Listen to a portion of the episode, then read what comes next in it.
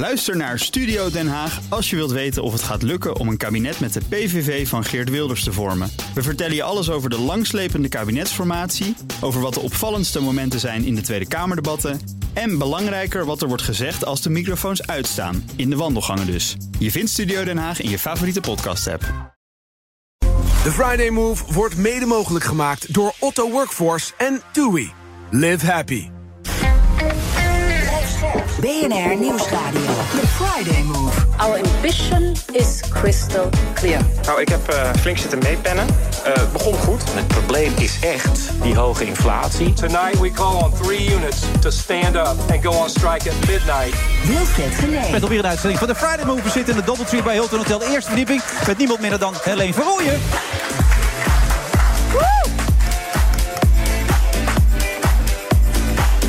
Onze eigen DJ is er weer bij, DJ Thomas Robson. Die waren we even kwijt vorige week, maar hij haakt weer aan gelukkig... met de beste muziek die we maar ons kunnen wensen. Voor een leuke uitzending, als het goed is, tot de klok van half zeven.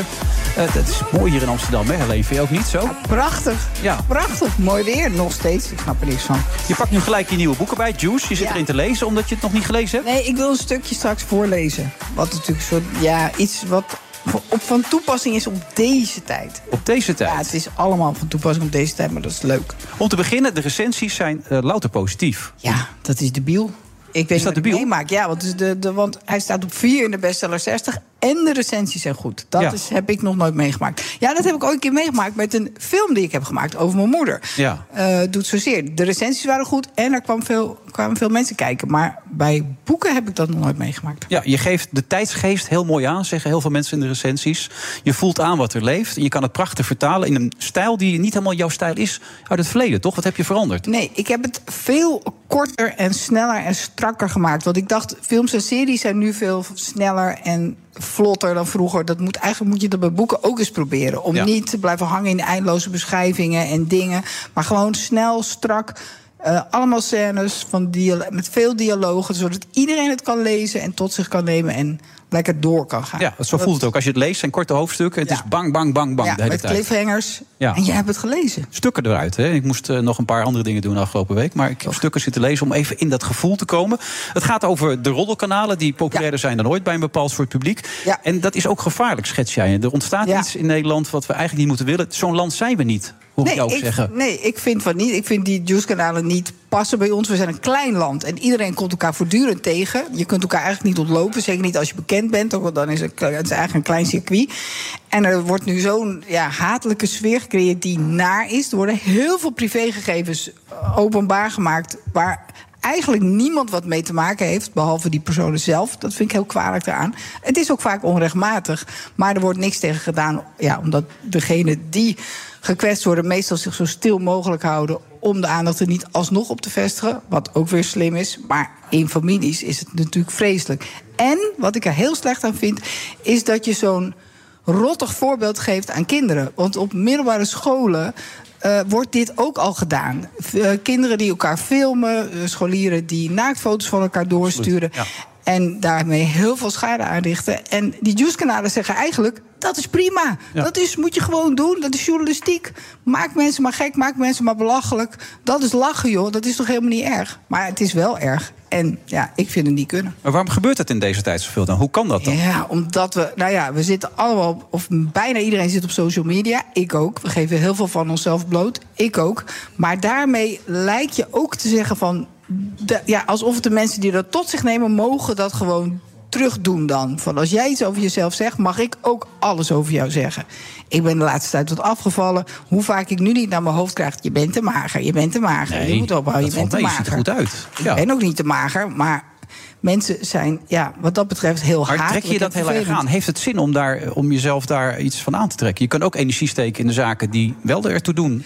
Mensen die wel ik oké trek zijn. het me niet aan, maar ik vind het wel een nare ontwikkeling dat we zo met elkaar omgaan. En ik vind niet dat je ja, jonge mensen moet leren van... oh, we zitten in een online wereld en daar kan iedereen elkaar gewoon gaan haten en naardoen op Ja. elkaar. Dat vind ik...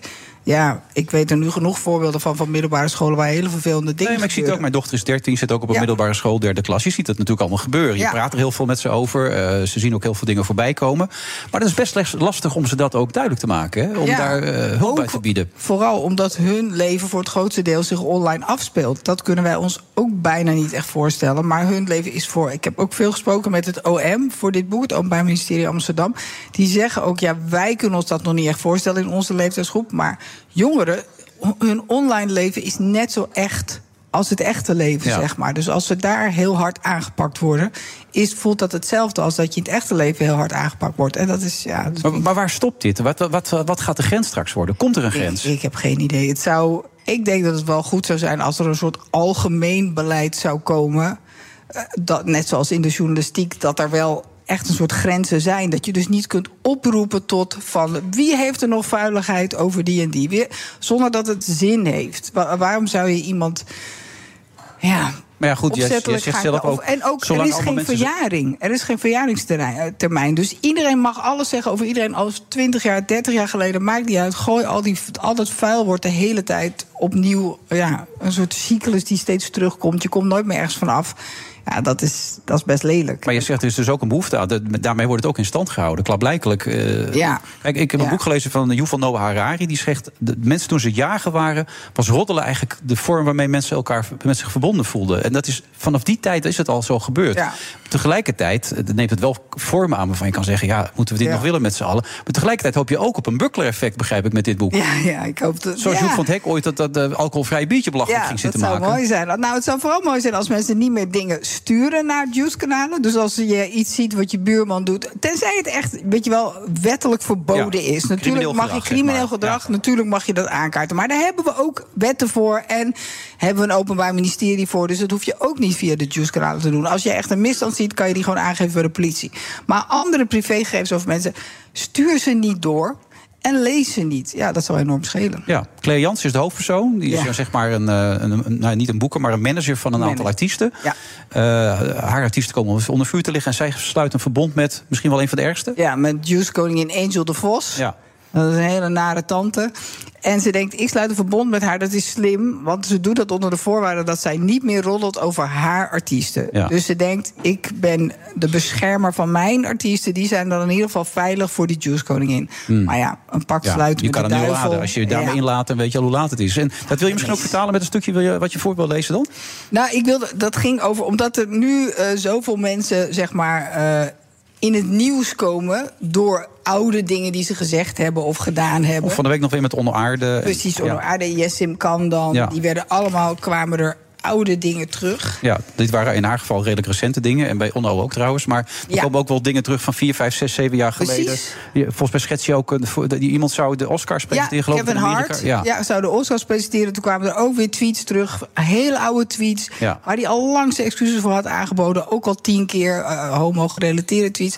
En toen heeft hij zich ook teruggetrokken als presentator van de Oscar. Ja, ik vind dat... Je legt de samenleving lam op die manier, hè? Ja, Eigenlijk. niks kan meer. Dus Claire zegt tegen haar artiesten... Alles wat je zegt, maar ook alles wat je ooit eerder hebt gezegd... kan en zal tegen je worden gebruikt. Elk appje of mailtje dat je hebt verstuurd... elke DM op Facebook of Instagram kan openbaar gemaakt worden. Elke foto of video die ooit van je is gemaakt... is ook een belangrijke als je een politieke carrière ambieert trouwens... Ja. kan uitlekken. Als je een Twitter-account hebt, loopt die na. Misschien heb je in het verleden wel eens getweet dat je negerzoenen lekker vindt... of een grap hebt gemaakt die nu als fout wordt bestempeld. Dat kan je je carrière kosten. Verwijder die tweet, maar koester niet de ijdele hoop... dat het probleem daarmee is opgelost. Er is misschien wel iemand die er een screenshot van heeft gemaakt... om je erbij te naaien. Heb je een affaire gehad of online geflirt? Ik raad je aan om het vast op te biechten aan je partner... voordat het naar buiten komt. Maakt niet uit hoe lang geleden het is. Er bestaat voor jullie geen verjaringstermijn. Nee, dat is de tijd waarin we leven nu. Dat, maar dat is echt zo. Ja, en daarom is- mijn vraag, waar gaat het naartoe? Waar eindigt het? Dat weten we weet dus niet. Ik weet het niet. Nee. Op een gegeven moment is iedereen gecanceld, denk ik. Want dat wordt ook. Ja, d- Ja. dan zijn we allemaal gecanceld. Want dat wordt ook wel eens vergeten dat iedereen fouten maakt. Heel We gek. zijn mensen, bedoel maar jij? iedereen doet wel eens domme dingen. Of denkt, ah, het, ah, dan denkt de volgende ochtend, oh, dat had ik beter niet kunnen doen. Hmm. Maar dat maakt ons mensen. We moeten dus ook iets meer vergevingsgezind zijn. Ja, iets clementer Los dus nogmaals van echt criminele dingen. Duidelijke taal, hè? lijkt mij. Boom, muziek. Ja, we komen straks ook nog met Mr. Pussylicking. Dat is weer een ander onderdeel van het boek. Is ook een heel ja, saillant detail. Maar we hebben het over kinderen die het hartstikke lastig hebben in een tijd als deze. Het lijkt mij veel moeilijker opgroeien Ja. nu dan wij ooit eh, hebben zelf, meege- zelf hebben meegemaakt.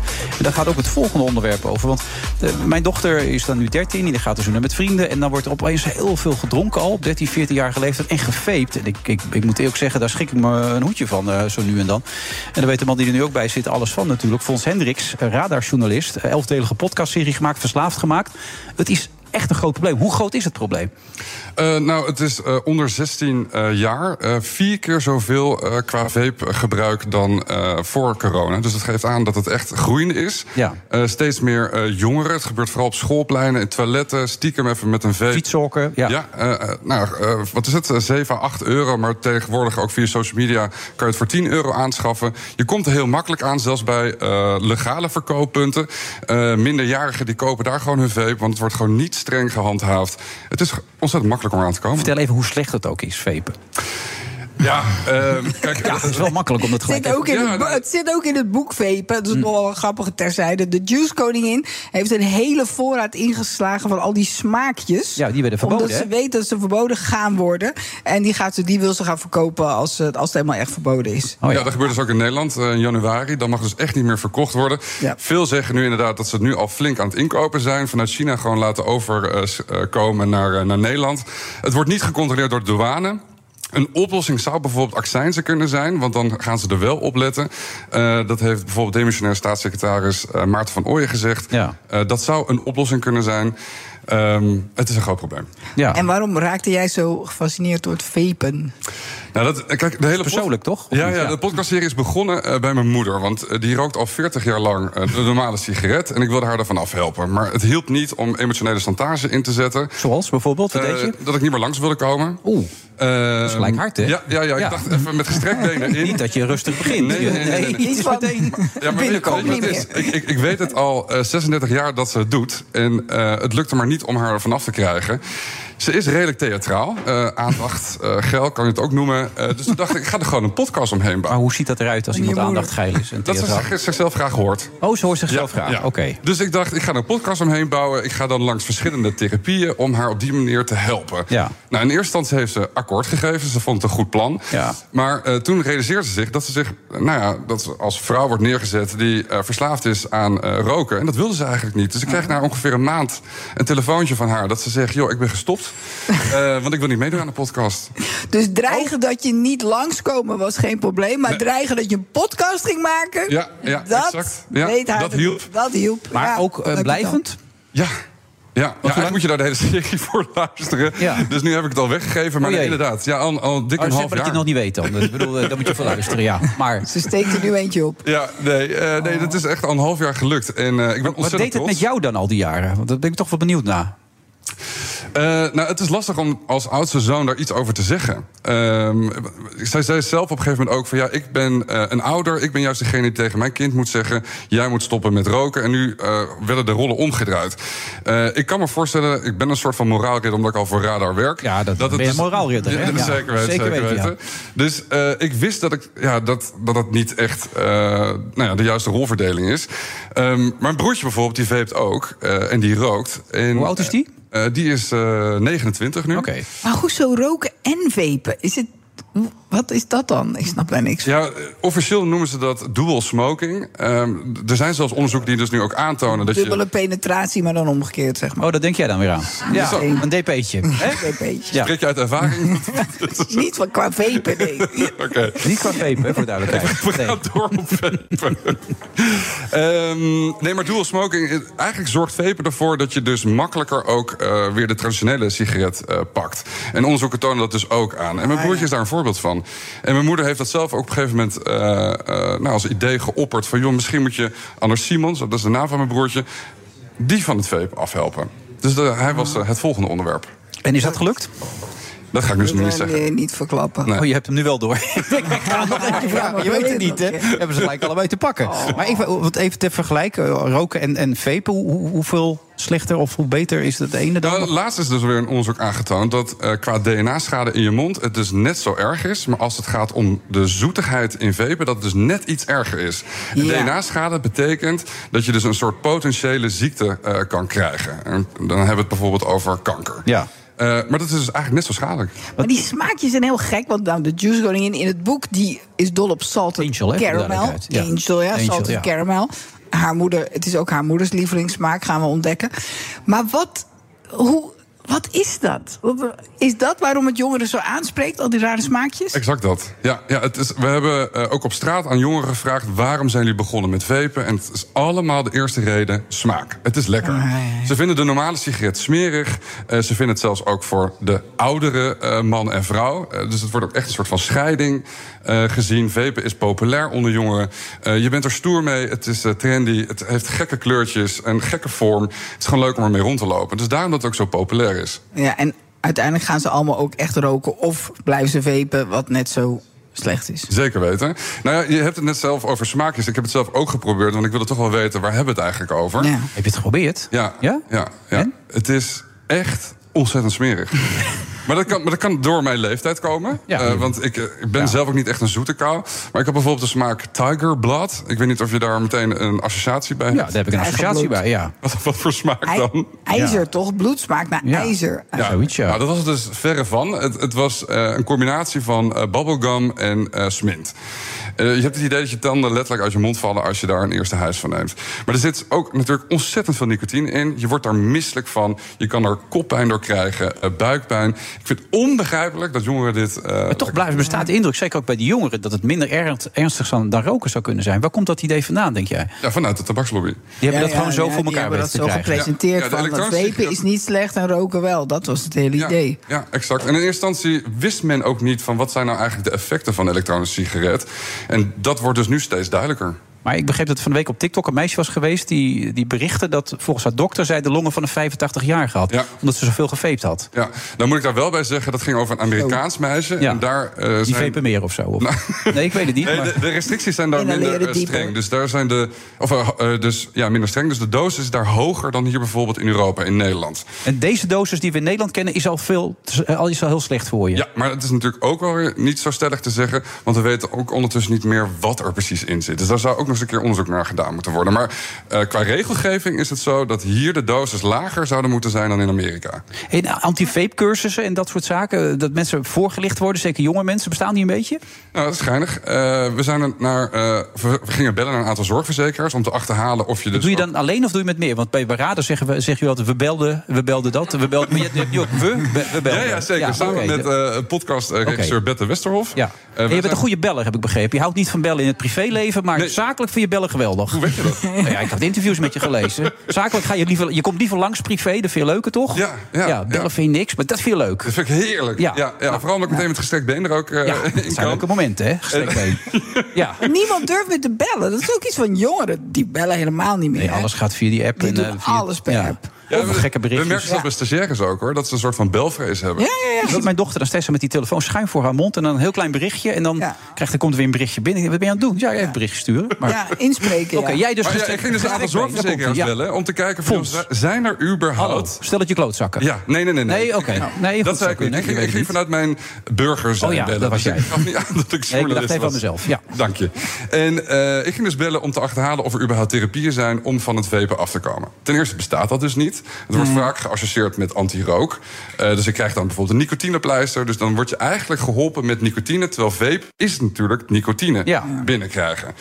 Ehm, een zorgverzekeraar, eh, ik kan de naam even dus niet noemen... die eh, gaf aan dat... Ik eh, hij had geen idee waar ik het over had. Nee. Hij kende de term vapen niet. Sorry? Dus, ja, dus dat geeft aan hoe slecht eigenlijk men voorbereid is op deze epidemie. Want dat zo kan je het wel noemen, Nou ja, ik de was, groei ik was in Londen was ik een gebruikers. paar weken geleden nog in, tijdens de vakantie nog in, en daar liep echt werkelijk iedereen te Ja, vapen. ja, Dan kan ik ja. echt, wat, is iedereen ook- aan het het is doen, een- joh? het Ja, maar daar word je dus een- vanuit de zorgverzekering krijg je dus een vape. Omdat men nog steeds in Engeland... In Engeland, ja? Ja, ja, ja. Oh, dat was heel gezond wat ze daar deden. Ja, ja. Ik denk, waarom loopt iedereen te vapen Ja, hier? we zijn nog steeds, eh, geloven ze erin, dat je dus dan van het eh, roken afgeholpen wordt. Ja. Maar dat kan toch niet waar zijn, dit wat je nu zegt, Fons? Maar is het ook, ja, ik zie toch een parallel met Juice. Van dat jongeren willen gewoon stoer zijn, willen erbij horen, willen dat doen. Het- Dus of het nou roken is of vapen, ze blijven het doen. Maar ik heb wel het idee, volgens mij is dat ook met de statistieken aangetoond, dat jongeren meer roken dan vroeger, of het nou roken is of vapen. Ik zie het ook bij mij in de buurt in het park, zie ik allemaal van die middelbare scholieren inderdaad staan te roken. En dan ben ik echt een boze oude vrouw en dan zeg ik: niet doen! Hier krijg je spijt van later. Doe het gewoon niet. Kost alleen maar geld in. Maar ja, En hoe reageren ze dan? ben ik ook benieuwd naar. kijken ze wel. Even normaal, hè, dat ja, teksten? nee, ze worden niet boos, maar ze kijken echt wel van wie is dat een rare wijf. Weet je, wel, dat snap ik ook. Maar Ja. toch heb ik dat echt. Ik heb echt een neiging om het te zeggen, want doe gewoon niet. Ja, nee, heel goed. Maar, maar hoe komt Ja, het maar dat er meer, meer jongeren Nou, gaan roken? onderzoek van GGD heeft aangetoond dat het door corona komt. dus door de lockdowns zijn toch meer jongeren gaan roken. Eh, en nogmaals, het komt ook echt door vapen. Het is gewoon een hele kleine stap om eh, van een vapen naar, naar de traditionele sigaret eh, Ja, te en gaan. wat je hoort is dat, eh, dat je ook niet erbij hoort eigenlijk als je het niet doet. Er wordt echt een beetje sociale Je zei zelf net dat het, je 13-jarige dochter ook vapet, of niet? Nee, juist niet. Zij zegt dat, althans daar ga ik nog steeds vanuit dat ze dat niet doet. Maar dat er omheen heel veel gebeurt. En dat ze ook steeds het verzoek krijgt of ze het mee wil gaan doen. En dat ze het eigenlijk helemaal niet leuk vinden dat ze het niet doet. Dus Wat voor advies geef je dan? ja, ik, ik wil dat ze vooral er transparant over blijft, weet je wel. En dat ze er eerlijk in blijft. Dus ik hoop ook dat dat lukt natuurlijk. Ehm, Kijk, je ziet ook allerlei dingen wat je over die filmpjes hebt. Dat ze filmpjes hebben dat sommige meiden of jongens heel dronken worden. En dat, eh, dat verspreiden ze dan allemaal weer eens. En dat is dan stoer in plaats van dat je zegt: jongens, pas nou even op, laten we dat nou niet doen. Ja. En dat geldt hier ook voor. Het is bijna een must. Ja, we zijn ook het nachtleven ingegaan om aan jongeren zelf te vragen... eh, waarom zijn jullie begonnen met vapen? En dan krijgen we dan echt van veel te horen... ja, onze ouders hebben gewoon een vape gegeven. Dus er is Dat hoor ik ook trouwens heel vaak. Er is geen bewustwording ook bij de ouder... dat het een ontzettend slecht product is. En dat probeer ik dus ook met deze podcastserie. eh, duidelijk maken, eh, waar begint iemand aan? eh, ken de gevaren. Ja, maar heb je het idee dat veel jongeren naar jouw podcast luisteren dan? Dat probeer ik nu. Of ook via dit programma. Ja, maar dit is alleen maar jongeren maar die luisteren naar dit programma. Maar eh, er zijn er nog meer doelgroepen die je kan bereiken op die manier dan? Of, eh? Iedereen. Ja? maar het is echt het is voor de vaper, voor degene die eh, nooit van het woord vapen heeft gehoord. Degene die rookt, degene die er juist vanaf wil, degene die nog nooit heeft gerookt. Het is voor iedereen interessant, want je wordt ook bewust gemaakt hoe de lobby werkt van de Maar tabaksindustrie. zit je daar steeds met je vingertje omhoog of probeer je het wel toegankelijk te maken en, en onderhoudend, zeg maar? Ga maar luisteren, het is heel toegankelijk. Ja? Ja. Het listige is natuurlijk dat het inderdaad ooit is gepresenteerd als het gezonde alternatief. Ja. En kom daar maar eens vanaf, van dat label. En de rol van de overheid erin? Doen die wat? Eh, Grijpen die voldoende in? Nou, heb van het dus- verbieden van die smaken straks? Maarten van Ooyen, dus de demissionair eh, staatssecretaris, die heb ik geïnterviewd hierover. Eh, waar ik zelf van schrok is dat hij zei: eh, Ik word hier moedeloos van. Want als we met één eh, nieuwe regel komen, dan staan er twintig advocaten van eh, de tabakslobby er klaar om daar tegen in te gaan. Dus eh, hij blijft strijdvaardig, zei hij zelf. Ehm, hij is binnenkort Maar denk je dat verbieden zin heeft?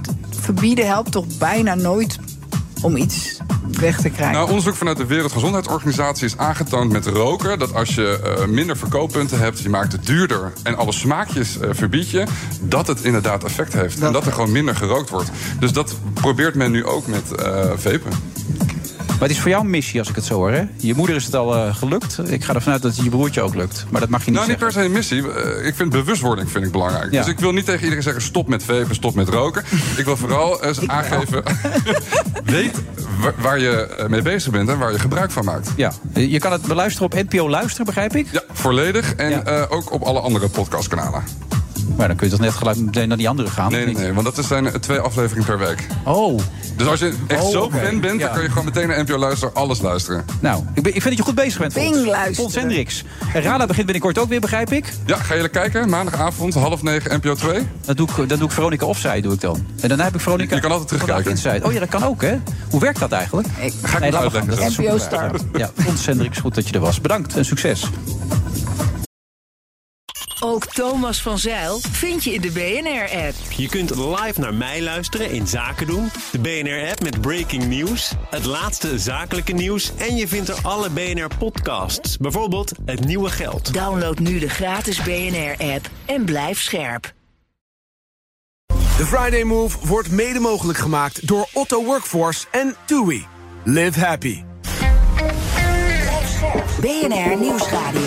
The Friday Move. En toen is er vanuit de leden enorm verzet eh, in gang gezet. This is distorting our market. Het heeft me wel echt geraakt en eh, dat voel ik nog steeds. herkent u iets van die verwijten? Nee, Wilfred Genee. Wat kunnen wij leren van Mr. Pussylicking?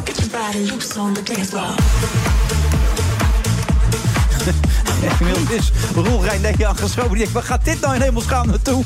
Topregisseur uit Amerika, die krijgt opeens Mr. Pussylicking voorbij. Maar dat heeft te maken met het nieuwe eh, roman van eh Helene van Rooyen, Juice. Mr. Pussylicking heeft een belangrijke rol. En, nou, regisseur, hij heeft een YouTube-kanaal met porno die esthetisch zeer verantwoord is. Echt mooi. Mooie beeldvoering. Wie is dat?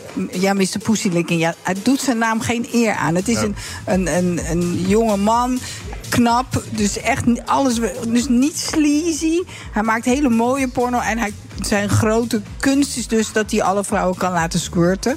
Maar hij doet het volgens mij altijd met zijn, eigen vriendin. Nee, maar hij maakt echt mooie. Ik beschrijf dus zijn aan, filmpjes. ik. Ja, ik, ik beschrijf zijn filmpjes in het boek. En ook zijn cursus squirten. Wat hij ook heel schattig doet als een soort professor. Met een, met, een, met een scherm erbij. Van dit is de vagina, zo zit het in elkaar. Hier moet je naartoe. Hij is echt gedreven om zijn kennis over het squirten te delen. Nou, dat vind ik al fantastisch. Ja. En hij heeft een, nou ja, een mooie porno. Hij weet helemaal niet dat hij in dit boek staat. Ik moet hem echt nog een mailtje sturen. Je hebt het eigenlijk Maar een beetje stiekem gebruikt Nou ja, allemaal. niet, ja, niet stiekem. Kijk, het is openbaar. Ja, het je is een openbaar zien. kanaal. Je kan het zien. Dus ik beschrijf Je wat ik typt zie. gewoon Mr. Pussylicking in, dan heb je hem. dan heb je hem. Ja. en het is, ik vind, vond het verrassend en fantastisch. En ik wil dat graag delen. Omdat het ik vind het altijd leuk om de orgasmekloof te dichten. Dat doe ik al. eh, Dat is jouw doel een beetje in het Dat is leven. mijn doel. Ja. Dus ja, hij ja. kan daar een rol bij spelen. En, eh, maar ik, vond, ik wist niet dat er zo... Ja, het dus in openingsshot, het is hier, prachtig. Ja. Jij woont in Amerika. Maar Mr. Poesling komt volgens mij uit Tsjechië of zo. Oh, oké. Niet in Amerika. Oh, Mr. Pussylicking. Kun je er iets bij voorstellen bij esthetisch verantwoorde porno? Ja? Eh, nee, niet echt. Nee, nou, toch is het er. Echt waar. Dat openingsshot, ik ga het je straks laten zien. is echt heel mooi. Ja, en, en even Roel Reiner, goed dat je er bent. We gaan het over heel iets anders hebben. Ik hoop dit, het. Dit zag ik niet aankomen, dat weet ik ook wel.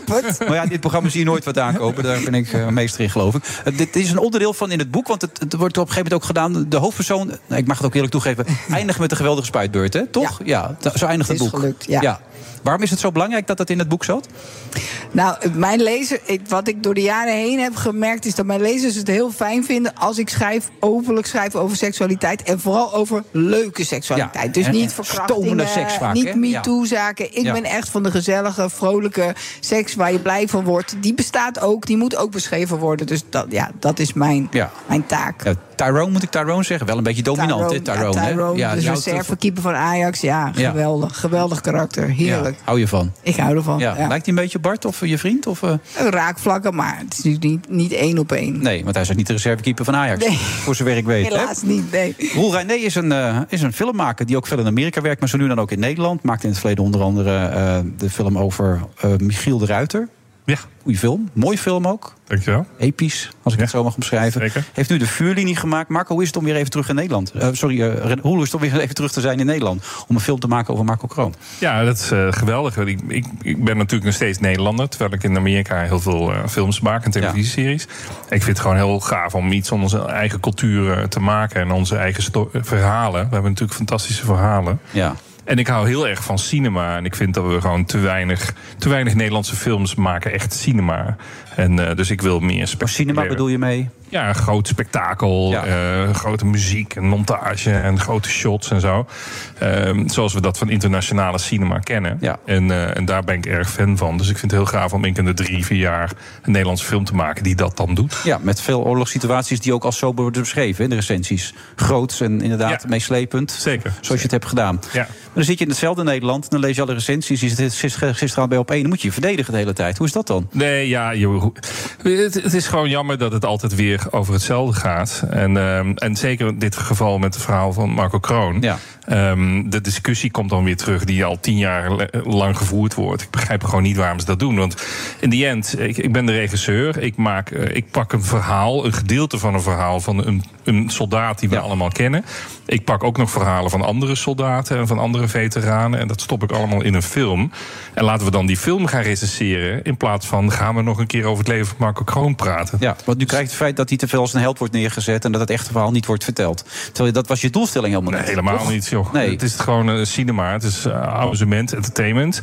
Met een laag en een bodem. En wat wilde ik doen? Ik wilde het Nederlandse publiek laten zien... wat wij vragen aan Nederlandse soldaten om te gaan doen in die missies. Wat dat dan doet met hun psycho. En hoe, hoe dat ze dat meenemen in hun gezinsleven. En in hun seksleven ook nog eens in de film. En, ehm, en hoe ze daar dan met PTSS omgaan. En, eh, en wat dat dan doet met het gezin. Wat dat doet met de vrouw van zo'n soldaat. Daar gaat die film over. En de film gaat niet over wel of niet is. eh, of Marco Kroon wel of niet eh, iets gedaan heeft. Daar gaat die film helemaal niet over. En heb je niet, heb je, heb je niet overwogen sorry, om een andere naam te geven bijvoorbeeld? Om het toch wat meer naar de fictiekant toe te trekken? Of? Nee, eh, waarom zouden we dat doen? Eh, eh, hij is, van, alle Nederlandse soldaten heeft hij het extreemste verhaal meegemaakt. Dus dan gebruik je hem als leidraad. Maar er zitten heel veel dingen in die film die we op Marco als karakter neerzetten. Maar die heeft Marco niet meegemaakt, die hebben andere soldaten meegemaakt. Dus een, voorbeeld, een goed voorbeeld is dat ik had een veteraan gesproken en die zaten in een missie in Afghanistan. En die dachten echt dat ze dood zouden gaan. En ze stonden helemaal onder vuur. En dit is gewoon het einde. En zij waren toen, eh, hadden foto's bij hun van de geliefden en van de familieleden. Die hebben ze toen verbrand. Omdat ze toch een soort afscheid wilden nemen. Nou, dat heb ik in de film gestopt. En, dat, eh, en dat zit dan wel in de Marco Kroon van onze film. Op dat moment als zij onder vuur is liggen. Maar dat heeft niets te maken met hem. Maar het had dus ook Gijs Tuinman van de BBB kunnen zijn. Ik weet niet of je die kent. ken dat is, dat is niet, de nee. nummer drie, maar die heeft ook een Willemsorde gekregen. Net als Marco Kroon. Die heeft zich ook heel dapper betuigd. Die gaat nu de politiek in. Eh het lastige is natuurlijk wel, en dat bedoelde jij volgens mij ook een beetje... het kan wel voor verwarring zorgen. En dat is wat er nu gebeurt volgens mij. Want ik heb de indruk, zoals ik gisteren Marco zag zitten... dat hij dus wel het gevoel had dat daarmee alles rechtgepraat werd... van wat hij eventueel heeft meegemaakt of niet. Dat hij dat wel zo ervaart. Ja, maar als we een film maken over Napoleon, dan zit, is dat ook allemaal niet waar. En er zijn Nee. op waarheid gebeurde dingen. En als we film maken. Dus eh, het is mijn interpretatie van de waarheid. En eh 70% van wat in die film is, is waar gebeurd. eh, volgens de filmmaker. Weet je wel? En Mm. waarom ga ik een discussie aan met recensenten. die dan in één keer niet geloven dat hij dit. Wat is echt zo'n onzin. Mm. Recensenten moeten film recenseren. En, en de recensenten moeten niet praten over politieke dingen. of die te maken hebben met eh, wel of niet van het onderwerp. Het is echt totale absurditeit. Is het dan wel leuk terug te komen naar Nederland op die manier, Roel? Eh, Weet je wat leuk is? Nou? Ik was dinsdagavond was ik bij een, eh, een voorpremière. Er zaten 800 mensen in de zaal in Ede. Ehm, eh, heel, heel veel daarvan waren oud-militaire veteranen met hun gezinnen. Aan het eind van de film doodse stilte. Iedereen geëmotioneerd. Ik zag veel mensen met zakdoekjes in de ogen. Ehm, aan het einde van de credits nog steeds stilte. En ik word op het podium gevraagd. En 800 mensen gaan staan en masse. In een staande ovatie. En daarna kreeg ik heel veel veteranen te horen. En andere mensen te horen. Hoe fantastisch het vonden. Hoe ze geraakt werden. Dus je doelstelling is gelukt. Het verhaal van die jongens te vertellen. Ja, en laten we dat verhaal vertellen. En laten we stoppen met te praten over stomme, grijze recensenten. Jak. Ja. Nou wat, kunnen we, wat kunnen we leren van die wat mensen die zoiets hebben doorstaan? Wat, wat kan je ervan leren? Wat, wat, het is, lijkt mij ontzettend. Ik ken ook wel iemand met nou, dat PTSS die in Afghanistan is geweest, die daar nog steeds inderdaad last van heeft.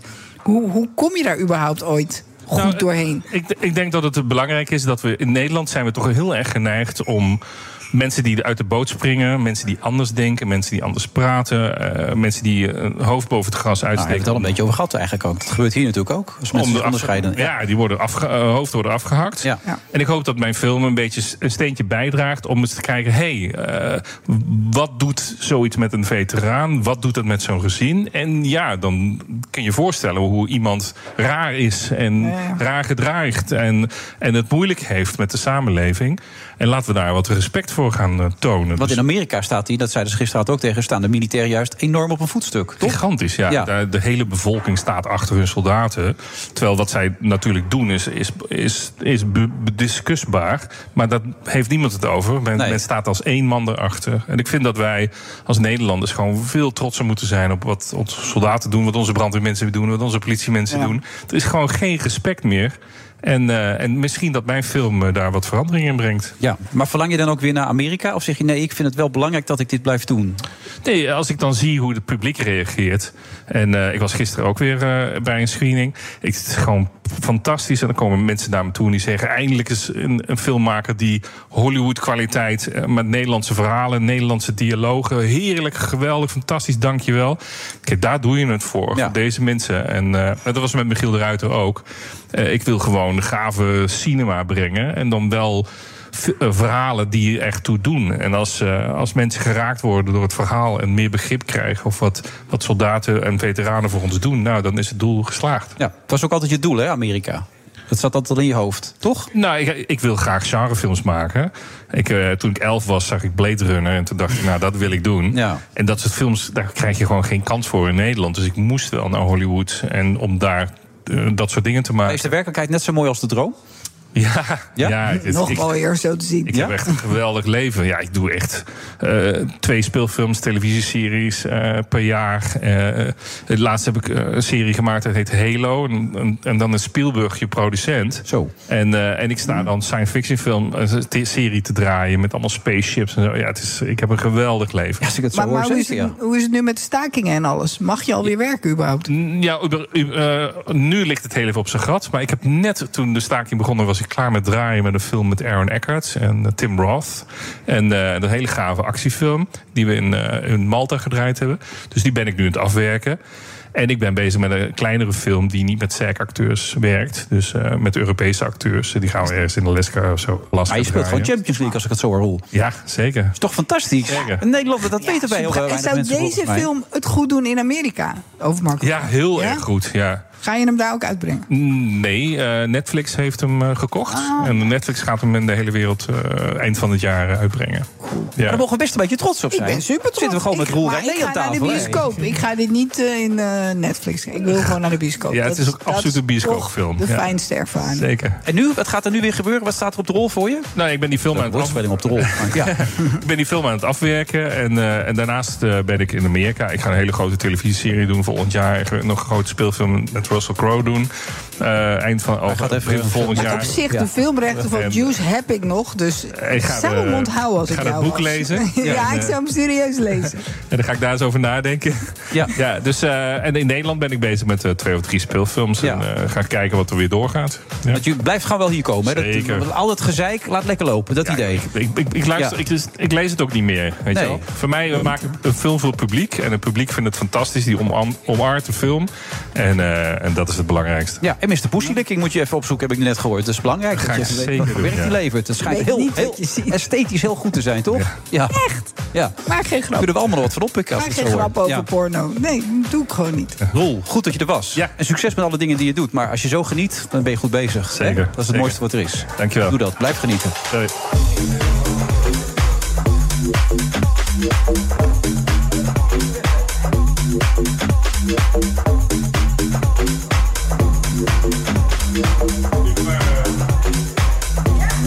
Zit je nou op te zoeken, Mr. Pussylicking? Nee, toch? Nee. Oh, ze gaat het boek uitdelen. Dat is veel beter.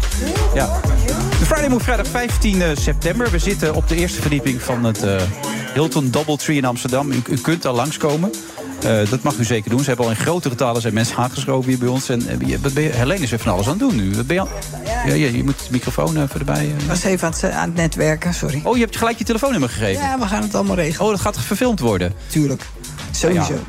Ik bedoel, die, die andere, die was heel succesvol, dat boek, eh, dat film die je toen heeft Gelukkige gemaakt. huisvrouw. Ja. Eh, de ontsnapping. Ja, Ja. zo. ja. Niet met... Verwacht, wat, wat was de oplage eigenlijk van de Gelukkige Huisvrouw? Weet je dat nog?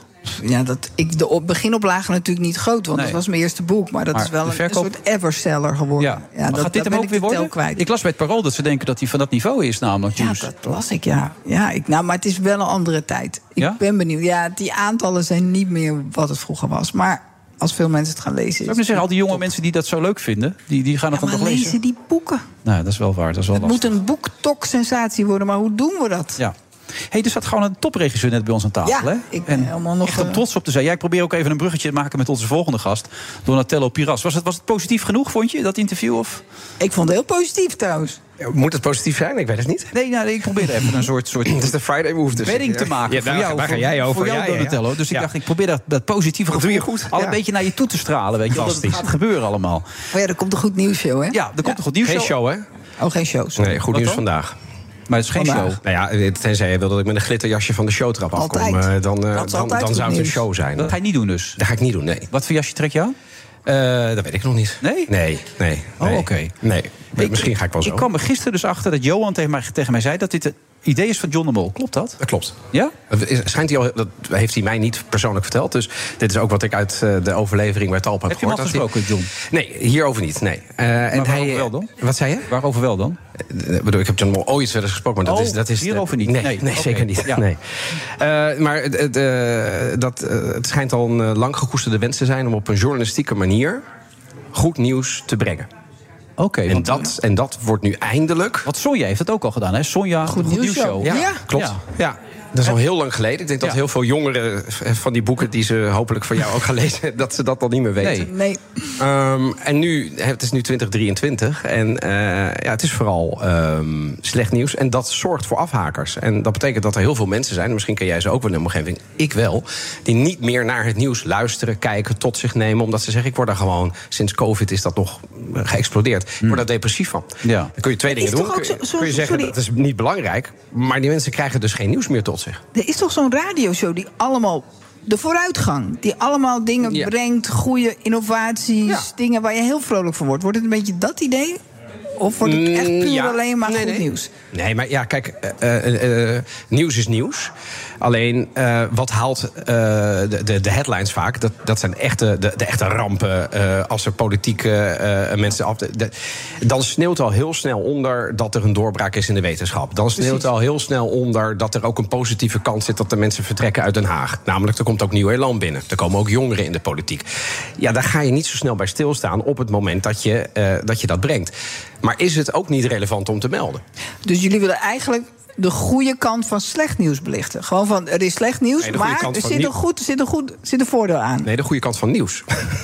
dus, het- wat, het is niet per Er se zit dus een slecht slechte nieuws. kant aan. Die wordt meestal belicht. Precies. En de goede kant wordt onderbelicht. Of juist helemaal niet. Vaak wel, vaak Ja. wel. En, en, er, en er is veel nieuws. En net zoals vandaag is er een, een doorbraak in Alzheimer. Wat blijkt nu, eh, dat, hè, daar komt de BBC mee... Britse en, eh, en Belgische onderzoeken hebben eindelijk ontdekt... waarom die hersencellen van die Alzheimer-patiënten afsterven.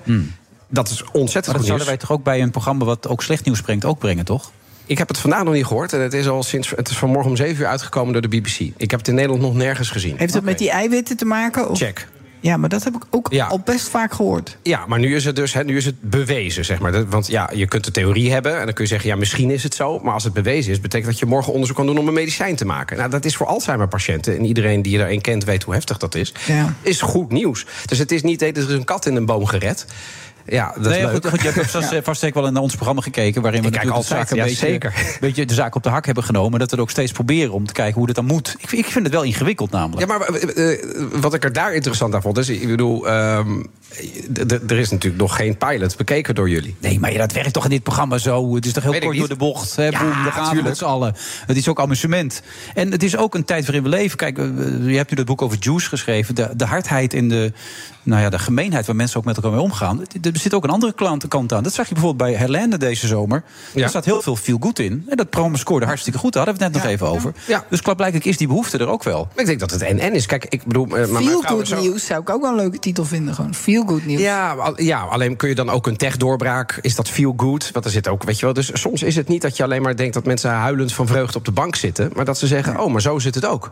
Ja. En, en die kant van de medaille wordt op dit moment onderbelicht. En als je nu probeert om met journalisten, met experts, hè, want die werken samen in dit programma, te kijken of je op een journalistieke manier 25 minuten tot een half uur iedere dag op die manier nieuws kan brengen, dan vind ik het van een commerciële omroep lopenswaardig dat ze dat doen. Ja, wel op een heel moeilijk tijdstip, zei Tina Nijkamp vorige week toen ze hier aan tafel zat. Die zei zes uur, Ja. SBS. Ja, ik had- Misschien wel de moeilijkste tijd die je kan Ik, ik verzinnen. had het liefst acht. primetime gezeten, Ja. Maar je moet ergens beginnen, toch? Ja. Ja. Ja, dat is waar. Ja. Maar ja, je weet hoe het werkt bij commerciële tv. Hoe, hoe werkt het? Nou, als het niet Als scoort- het niet werkt, is het heel snel scoort, weg. heel snel voorbij natuurlijk. Dus dat is het nadeel ervan. Dat is waar, maar ik bedoel, kijk, je- er zit een wereldverschil tussen helemaal niet scoren en, eh, en de sterren van de hemel scoren. Maar wat Dus- is een beetje scoren dan? Ja, dat, geval? ik, ik, ik, ik heb eh, godzijdank niet getekend voor. eh, ik moet minimaal zoveel duizend. eh, Nee? nee. En je Jij wel? concurreert met je eigen vrouw, las ik ergens. Ja. Ja. Dat, dat is Ja. wel een toestand. Vind je? Ja, hoe, hoe, hoe je dat toestand. op thuis? Voor jullie of voor ons? Voor jullie. Thuis. Ja. Ja, nou nu, nu, nu, nu doe ik gelukkig voordat ik dit deed ook ander werk. En dat is ook heel vaak op dat tijdstip. Dus het is, we zijn wel gewend om af en toe Met een hele goede oppas de kinderen Maar ja, laten eten. zegt, en mij dan- kreken er 600.000 of 800.000. Jij Ja. zegt 200.000. Dat is toch altijd een beetje lullig dan. Vind je ook niet? Op dit moment is het vertrekpunt dat zij af en toe een miljoen kijkers scoort, standaard. Denk je dat ik daar aankom in de eerste week? Dat denk Nee, ik niet. wat denk je zelf dan? Nou, de ambitie is om, om zoveel mogelijk mensen... en met name... Ja, maar wat is veel dan? Hoe bedoel je dat? Nou, veel is... eh, Met name 200, mensen... die- 300? Nee, Nou ja, ik vind 200 wat weinig als ik heel eerlijk ben. Hmm. Het Hart van Nederland zit ervoor. Eh, als al die mensen die daarnaar kijken nou ook blijven Hoeveel kijken... kijken daarnaar dan Nou ja, dat is, die gaan wel richting de 500.000. Oh. En die wil je wel behouden. Maar wa- wat ik zou willen is dat die afhakers bijvoorbeeld ook denken... nou, laat ik het eens een kans geven. Weet je, Ja. Ik kijk al twee jaar niet meer naar dat nieuws, want het interesseert me niks.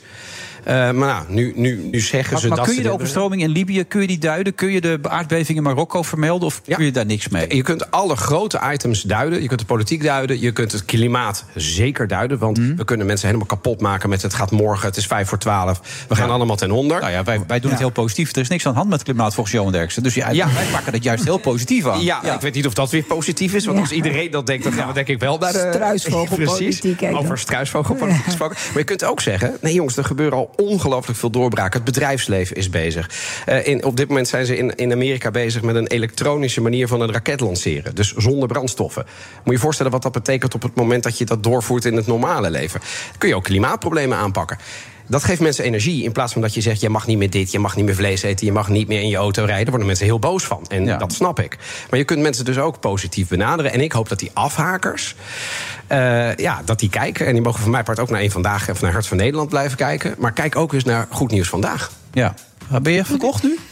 Nou, hij brengt het goed. Ja, dat is zeker goed, ja. Het is, ja, het lastige is dat mensen altijd meer aanslaan op negativiteit dan op positiviteit. Dat is een beetje de ellende. Maar misschien is het wel. Nou ja, kijk, ik bedoel, kijk naar ons programma. Dat werkt natuurlijk heel veel met harde uitspraken, stevige... Maar het is ook gezellig, toch?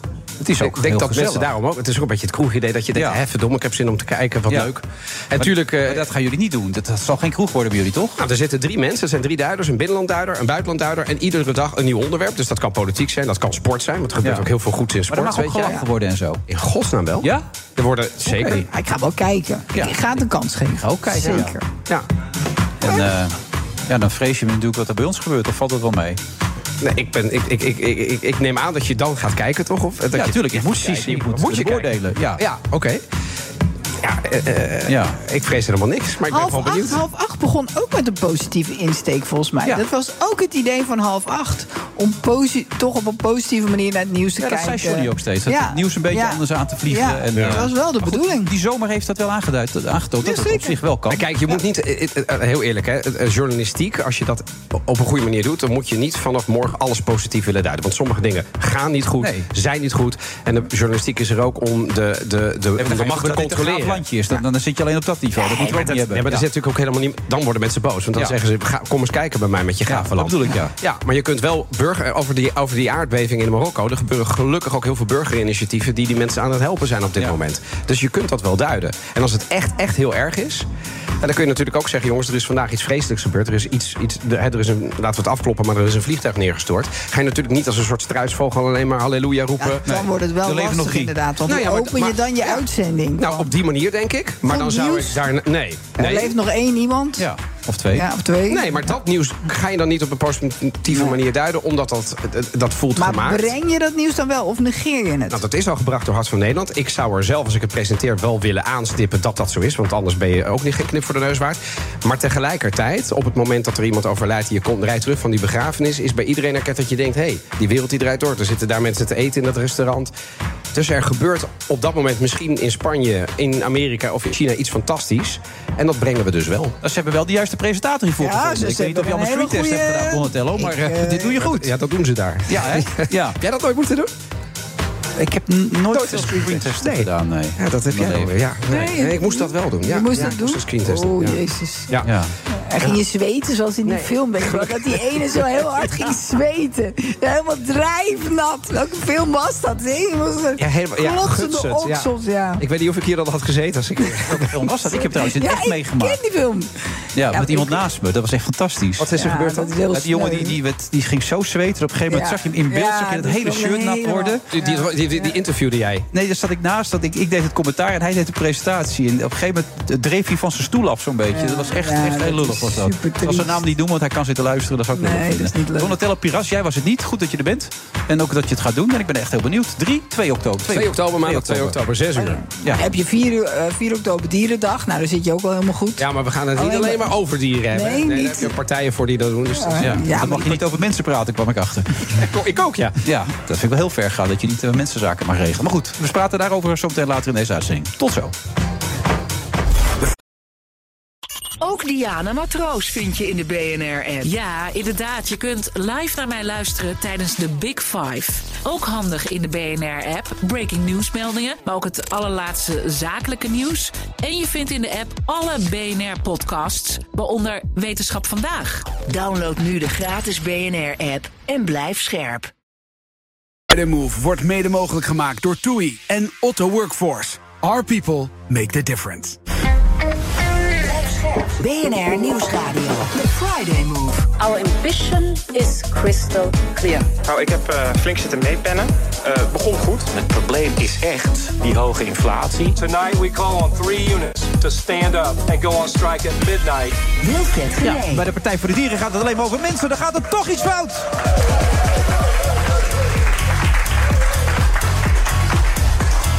Move vrijdag eh, 15 september. De beats zijn natuurlijk van onze eigen vertrouwde DJ Thomas Robson.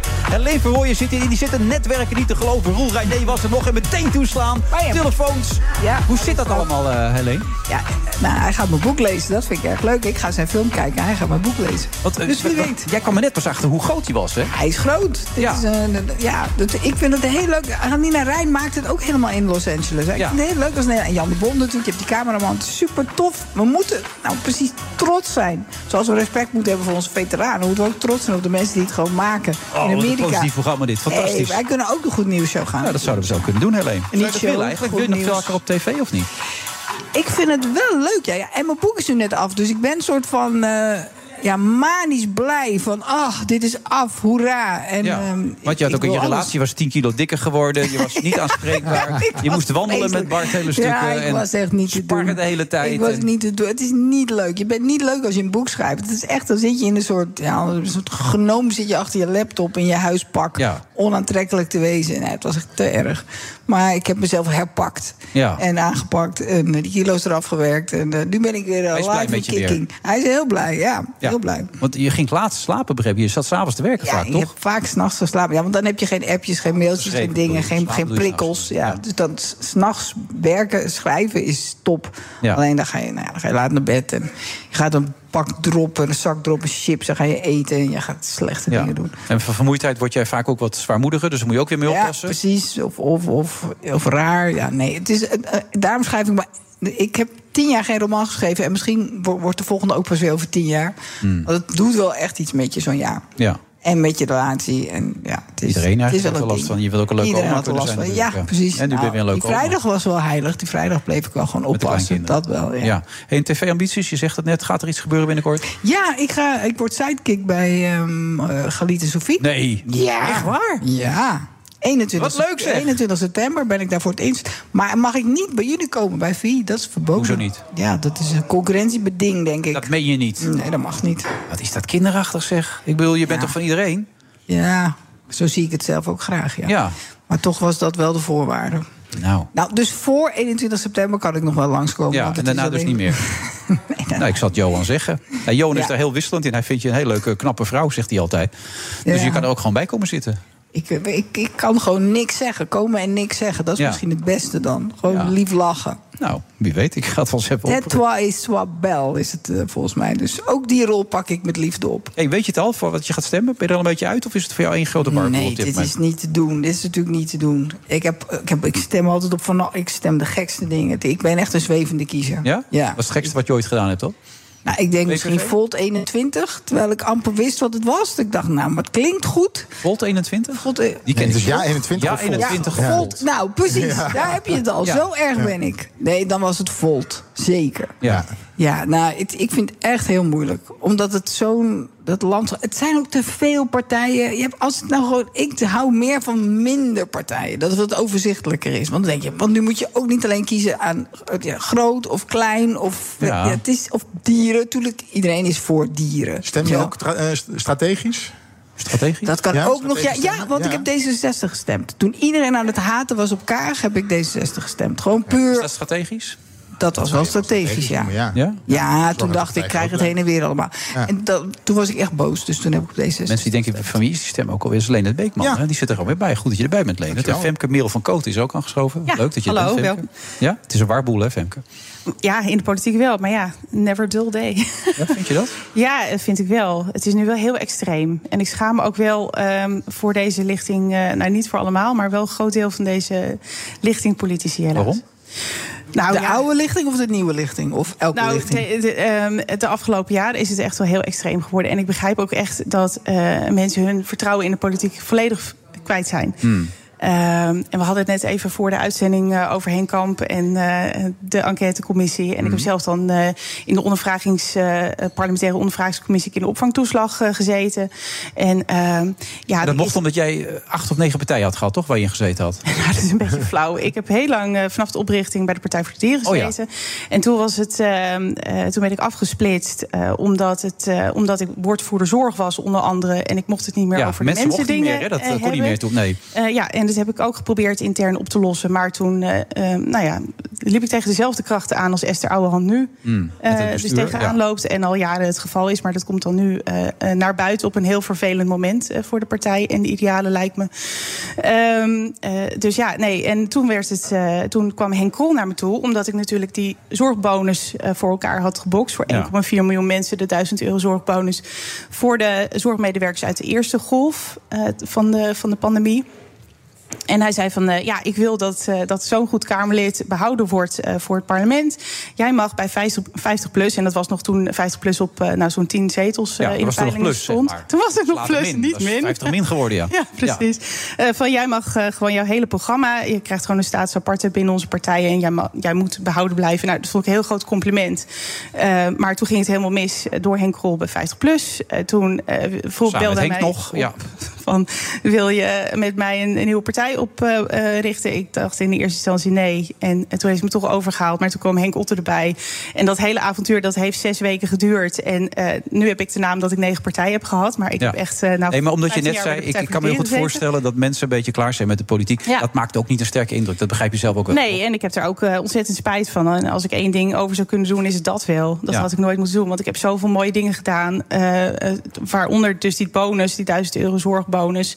Eh, maar ook eh, alles wat ik gedaan heb in de kinderopvangtoeslagaffaire. Ja. Eh, ja, ik, ik, ik, ik, En zo kwamen we bij die commissie uit, Ja. wie dat terecht was, waar Ja. Henk Kamp natuurlijk, of wat bij de toeslagenaffaire, ja. Ja, en ik heb ook tijdens de vorige verkiezingen dat echt een, eh, een verkiezingsonderwerp geprobeerd te maken. Maar ja, eh, op onze rapport Ongekend Onrecht trad toen eh, Rutte 3 af. Ja. Ehm, en toen werd het debat. met het exa- exacte kabinet door te gaan. Maar Ja, ja. inderdaad. En ehm, dat debat dat toen gepland stond, had ik een uur spreektijd aangevraagd. Ik had een hele waslijst aan vragen die ik gewoon niet beantwoord had gekregen als onderdeel, als lid van die parlementaire ondervragingscommissie. En ja, dan eh, blijk- blijkt dus dat het kabinet eh, valt. Dat het debat dat er stond, dat werd van de agenda afgehaald, van de parlementaire agenda. Dat zou dan later nog ingepland worden. Ik stond meteen de volgende dag bij de microfoon van... ik wil echt dat dit rapport... want we moesten met stomen kokend water dat rapport bij de, bij de Kamervoorzitter aanleveren. En dat zou nog voor de verkiezingen besproken worden. Ik, zei, ik ga niet meemaken dat dat dan over de verkiezingen heen wordt getild. Nou, daar had ik een brede meerderheid voor. Alle, Maar? alle coali- ja. Ja.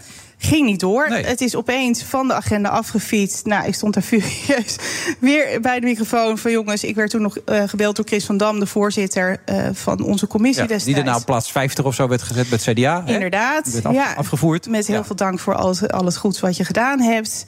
Want zo gaat het dan eh, bij de meeste partijen. Dus ja, nee, ik begrijp echt dat mensen daar de buik van vol hebben. En.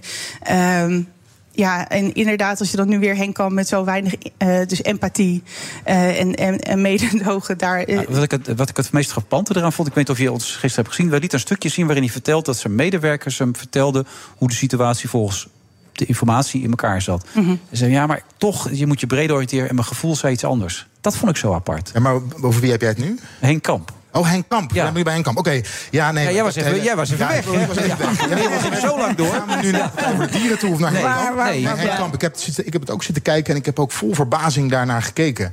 Vooral omdat hij het eigenlijk... Hij heeft, geen, hij heeft er geen spijt van. Nee, hij zegt, die niet. fraudewet die was gewoon nodig. Ja. En het was niet gebaseerd op cijfers. Maar dat de cijfers vertelde hij zo, lagen er, letterlijk, dat vertelde hij ook. Hij zei-. En hij vertelde eigenlijk... Ja, we deden herhaalt het wat ik nou allemaal zeggen ben. Precies, we Net, deden eh, het op, de onderbuik. Deden we. Ja, en dat was toch wel... Dat was wel Ja, schrok- daar maar er zijn dus tienduizenden mensen eh, zo in de knel gekomen. En ik, ik zat ook in die appgroepen en zo. En ik ben ook, eh, s ochtends werd ik wel eens gebeld, helemaal in paniek. Van ik heb weer een brief gekregen, ik begrijp er niks van. Alsjeblieft, Femke Merel, wil jij even met mij samen die brief lezen? Want ik ben helemaal, ik, ik krijg kortsluiting. Er zijn mensen die, die hebben zelfmoord gepleegd door deze ellende. Ik vind het echt, nou inderdaad, ongehoord. Ja. Dat het daar dus de vorige verkiezingen niet over is gegaan. Dat hetzelfde kabinet weer de kans heeft gekregen om heel veel dingen te verpesten. En ja, dan heeft de VVD bijvoorbeeld in het partijprogramma van... Hè, het is crisis, we hebben de crisis eh, overwonnen, daar zijn we trots op, we zijn positief. We gaan keihard bezuinigen. Ehm, ja, en dat vind ik... Dat, dat, dat, Ja, de meeste ik van die mensen werden nog steeds niet geholpen. Dat gaat Nee. nog jaren duren. Nee, ja. Maar de politiek is het wel breed over eens. En dat zie je ook terug in alle verkiezingsprogramma's. Dat er een vertrouwenscrisis is in Den Haag. En dat er iets aan moet gaan gebeuren. Ja, dat snapte Timmermans niet helemaal. En die was er wel een beetje verbaasd over. hè? bij, eh, Galit en Sofie, Galit, ja. Hij snapt niet... eh, ja, Ja, Dat- hij begrijpt niet waar het chagrijn vandaan komt. Daar Ja. ging je eens even op zoek naar. Ja, jongen, jongen, jongen. Dan heb je inderdaad een hele grote eh, eh, Europese steen gelegen. Zeg hij, niet te geloven. Ja. je volgt toch wel een beetje wat er gebeurt in zo'n land. Überhaupt wat er in de wereld gebeurt. Het hele politieke gevoel is toch sowieso een beetje tanende. Eh, van, eh, van Timmermans bedoel nou, je? überhaupt van de alle kiezers in Europa en de wereld en Amerika. Iedereen is toch een beetje zoekende op dit moment. En Ja, zeker. En, Ja. Maar je moet wel eh, uitkijken dat op het moment... we hebben het nu de hele tijd over dat er geen vertrouwen meer is in de politiek. Hmm. En de wantrouwen. En dat blijven we herhalen. Terwijl het eigenlijk het doel is om dat vertrouwen weer terug te winnen. En ik denk dat je dan op het moment dat je dat graag wil... dat je moet uitkijken door... je moet Mhm. uiteraard het over de slachtoffers van de toeslagen, het toeslagenschandaal hebben. Je moet toch leren van het verleden? Tuurlijk, tuurlijk moet je leren van het verleden. En eh, bijvoorbeeld Pieter Omzicht, die natuurlijk precies weet wat daar mis Ja. is gegaan. Ja. Nou, hij zegt van ja, we moeten echt radicaal moeten we ervoor zorgen dat de rechtsstaat hersteld wordt, dat Ja. vertrouwen in de politiek weer, eh, weer hersteld wordt. Ja. Maar dan zou je Ik toch ben ook vanuit, heel blij dat hij meedoet. Vanuit vertrouwen zou je dat moeten doen. Want waarom was er, is er geen vertrouwen meer? Omdat er wantrouwen vanuit de overheid was naar de burgers Ja, toe. je moet, je moet mensen eh, vertrouwen geven. Je moet eh, zorgen dat je een overheid bent die achter en naast die mensen staat in plaats van voor de mensen. Ja, maar dat zijn ook tegenover de holle frasen. mensen. Die hebben we zo dat, is, vaak dat, dat zijn holle frasen. Kijk, ik heb Splinter opgericht omdat ik dacht het gaat gewoon funda- fundamenteel mis. Ja. Ook in het maar dat lijkt toch best wel de op wat. Piet Omzicht nu ook wil. Ja, absoluut. En eh, dus daarom ben ik heel erg blij dat hij meedoet. Want hij eh, dus adresseert onze verkiezingsthema's. Dus betrouwbare overheid. eh, ehm, eh, onder andere, maar ook bestaanszekerheid. Wat wij dan veel breder trekken van... Hè, je moet uitgaan van een gezonde samenleving. Zekerheid hoor ik veel partijen roepen hè, de laatste Ja, tijd. maar dat is dus een- echt een containerbegrip. Ja. En met Splinter hebben we, eh, dus mijn nummer twee is eh, Nienke Ipenburg. Eh, noteren. morgen hebben we het, eh, ja. het partijcongres. Dus jij bent Splinter, die Splinter. partij. Ja, precies. Oh, ja, dat, ik vind dat dus ingewikkeld. Ja, maar het is ook Ja, veel. ik, We ik vind net het te veel. 21, ik vind hebben we het te veel. Splinter er Ik, weer bij. ik zeg We zijn niet volgend jaar, volgend- ik, ik zeg straks, ja, ik heb op Splinter We zijn niet- 23 gesteld, weet je, gestemd. Weet je wel, We zijn, niet, we zijn niet voor versplintering, want inderdaad, je, ehm, kijk, Nou. we zitten nu in een transitiefase. Splinter in je vingers, Splinter, klinkt, in je splinter vinger. klinkt wel echt als een versplintering. Maar ik ben onthoudt het wel. En Ja. je kan het dan uitleggen. En het is de splinter in de vinger. Scherp en onafhankelijk doorvragen. Als het, waar andere partijen het laten liggen en waar het nodig is. Massief of zo Eh, was misschien beter geweest. Ja. Maar nieuwe partijen Nou ja. zijn aan zich Zijn niet altijd een, splinters. is- We ja, maar- zitten in een niet altijd, maar het hoeft niet een probleem te zijn. Een Partij voor Nee, de Dieren is daar een voorbeeld van. Op het moment dat een poli- politieke partij in een gat springt waar de andere politieke partijen het niet over hebben, maar Ja. Dat het Maar wel is is dit dat een in de gat, samenleving speelt. Dit is een heel Is die splinter een gat? Absoluut. We hebben een, een Maar waarom heel sluit je niet gewoon aan bij Pieter Omzicht dan? Ja, omdat, omdat hij is eh, sociaal conservatief. Ja. Wij zijn sociaal progressief, maar we zitten wel op dezelfde thema's. Eh, eh, en het- ik denk dat het heel belangrijk is, ook omdat er zoveel crisis is, dat eigenlijk nou ja, veel ogen eh, komt door falend overheidsbeleid. eh, dat je daar een heel breed programma voor hebt. Dus wij hebben nu eh, maar liefst 170 pagina's verkiezingsprogramma. Ja, om dus nou. echt helemaal. en onze nummer maar drie dat is kun je Thijs Bogers. Die dat is een, een ambtenaar bij EZK die nu belast wordt met de betrouwbaarheid van de overheid. En die hele boekenkasten die al zo volgeschreven met allemaal onderzoeken van hoe gaan we het beter maken. En Femke Merel. zegt, Femke je moet Merel, de het is- archiefwet het- aanpakken. Zoals een baas van mij altijd zei, leuk bedacht gaan we niet niet doen. Dat zou ik meteen denken als ik Oh. dit hoor. 170 pagina's, wat gaat het Ja, ik allemaal keek over? er vandaag ook Dat is even de in. Ik long dacht read. inderdaad ook wel... eh, Maar het klinkt ook zo intern. Het klinkt zo alsof je, het- weet je wel, je Ja, kan het is niet eindeloos intern. het hebben over de overheid en de overheid en de overheid, maar je, je moet het toch juist hebben over dingen die, moeten, die we moeten gaan Het is doen met z'n allen. En concreet. mensen zijn ook de overheid. Ja, ik bedoel, nee, je kan altijd zeggen burgers of de overheid is niet te vertrouwen, maar mensen zijn ook heel vaak niet te vertrouwen. Weet je wel, je moet het gewoon met elkaar doen. Ja, het is wel een beetje waar. Ja, Nee. het is, ja. Nee, nee, nee. En als, We hebben vorige verkiezingen hebben we ruim een halve zetel gehaald. 30.000 stemmen met 7.500 euro budget. Dat is super weinig. We waren acht weken voor de verkiezingen opgericht. Dus we hebben het super goed gedaan. Ehm, Maar het gaat eh, toch juist om elkaar nu een beetje te verenigen. Om een paar Juist. partijen ja, te zetten die heel sterk en krachtig gaan zijn. Ja, maar eh, wij gaan ook echt voor een andere manier van politiek bedrijven. Juist omdat de huidige manier van politiek bedrijven en hoe partijen in elkaar zitten, zie je nu ook aan de Partij voor de Dieren. eh, die ook nu weer verscheurd door ruzie. Je moet als partij je volksvertegenwoordigers ondersteunen. En je moet niet als bestuur gaan interfereren met de volksvertegenwoordiger en eh, zeggen van jij gaat nu de gekozen fracties naar de oppositie begeleiden. Dat doorkruist Even alle tussendoor trouwens, jongens. De miljoenennota is wederom uitgelegd, Ja, hè? miljoen- ja, dat is- zeker. dus leuke traditie is dat in Nederland. Lekt altijd uit. Het is een traditie. Het is Ja. nu op vrijdag gebeurd. De, de stukken voor Prinsjesdag liggen op straat. Niet veel nieuws zit er eerlijk gezegd nog in. Want er is nu gelekt wat er al gelekt was. Oh. Wat is dan wel nieuws? De staatsschuld daalt. Er was eigenlijk verwacht dat de staatsschuld iets zou stijgen. Hmm. En eh, de koopkracht, gemiddeld gezien, gaat met 1,8% omhoog.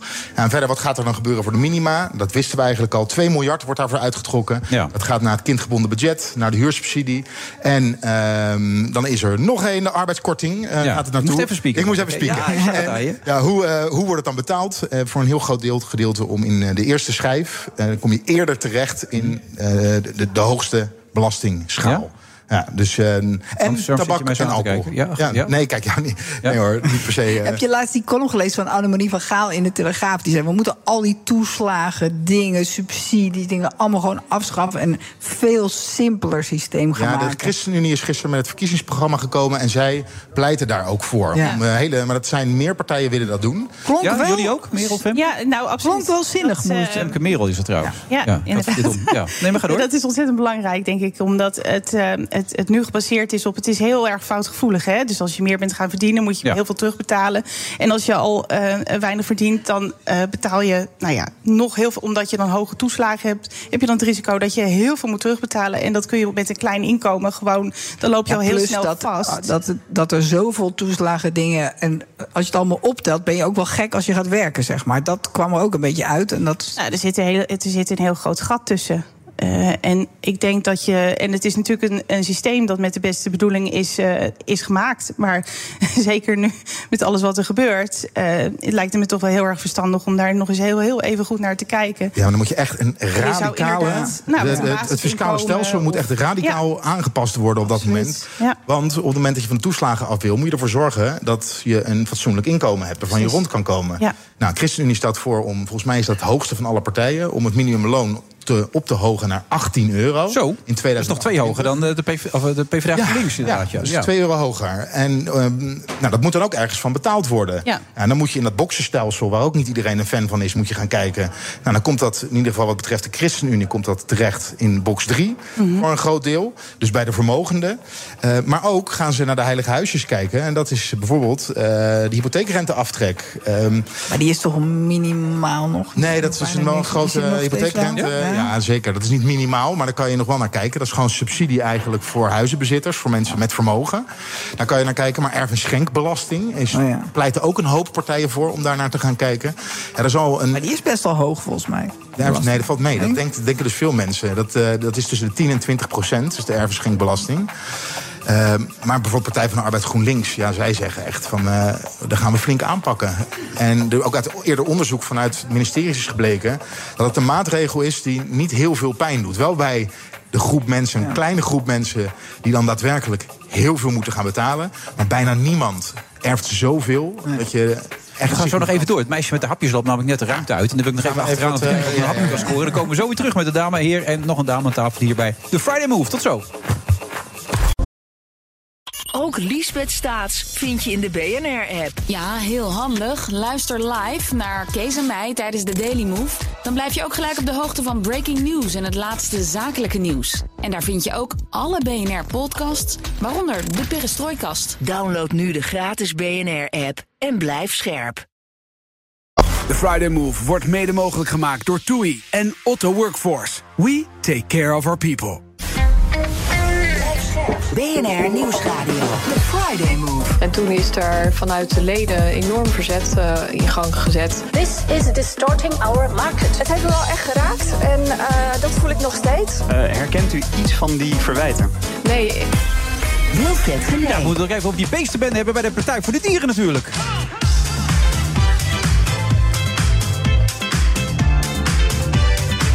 Friday Move met onze eigen DJ, DJ Thomas Robson, weer teruggekeerd. Heeft een goede vakantie gehad, begreep ik.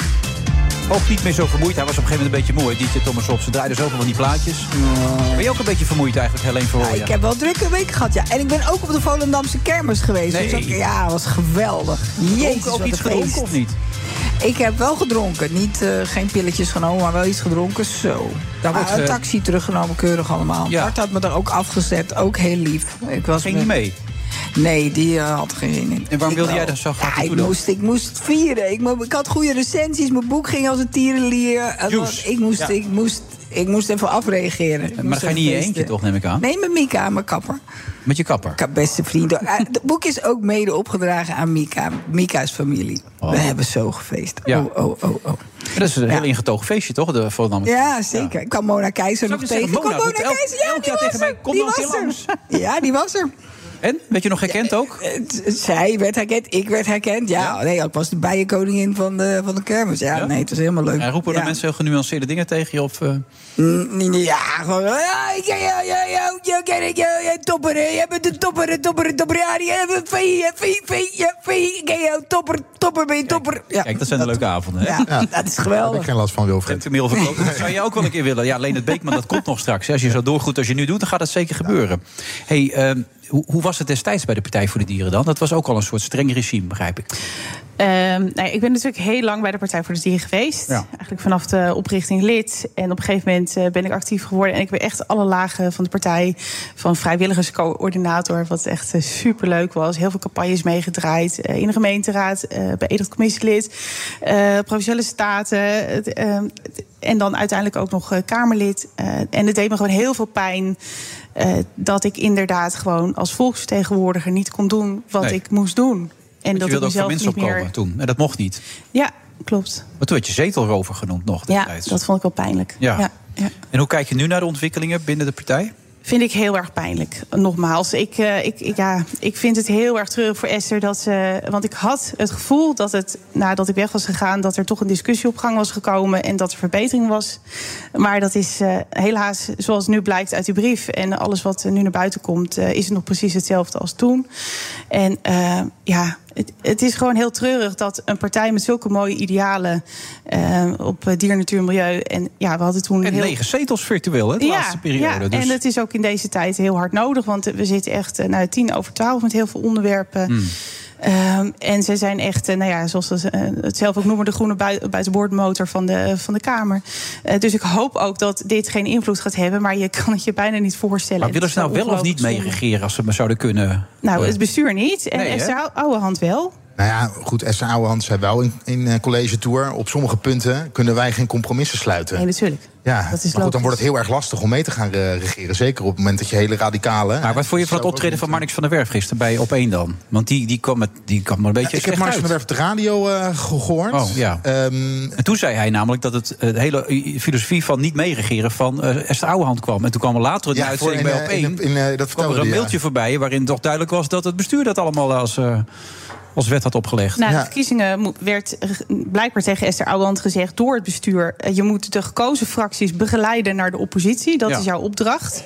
Ehm, nou ja, zoals dan onze opdracht destijds was... van je moet eh, de decentrale fracties gaan vertellen... dat ze zich moeten focussen op dier, natuur, milieu... en niets mogen doen op, eh, zoals ze dat dan noemen, mensendingen. Eh, want we hebben al genoeg mensenpartijen. Nou ja, dat was het punt waarop ik mezelf niet meer recht Hmm. in de spiegel aan kon kijken. Eh, maar er zijn ook Partij voor de Dieren wethouders.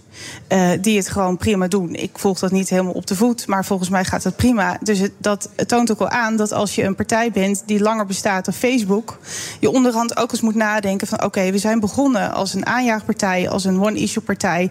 eh, maar is het ook niet tijd om die volgende stap te zetten? die Professionalisering, systeemverandering. democratisering, Precies, zoals Esther ja. Zei. Ja, maar zijn optreden was niet zo sterk. Sven Kokkelman daarentegen was ijzersterk. Ja, die was met zijn intro's was die heel goed. Och, Eh, dat die heb ik was nog wel gezien, ja. Ja. Maar dat, wat ik wel, wat ik wel bijzonder bij. vind, want ik, ik, heb, ik zit toch een En die beetje naar mijn ging gek. Ja? Ja, dus het was niet zijn schuld. Het was de schuld van de autocue. Maar wat, ik- wat ik wel. ehm, eh, hoe het op mij overkomt, is dat er bij een partij met nette mensen. Toch ordinair ruzie gemaakt wordt.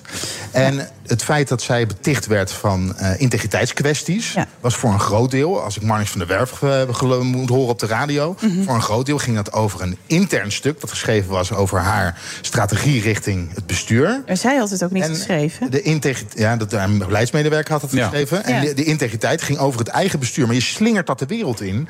Ja, en dan ben je, dat hebben we de afgelopen tijd al vaker gezien. En het was toch gepikt haar beschadigd. computer?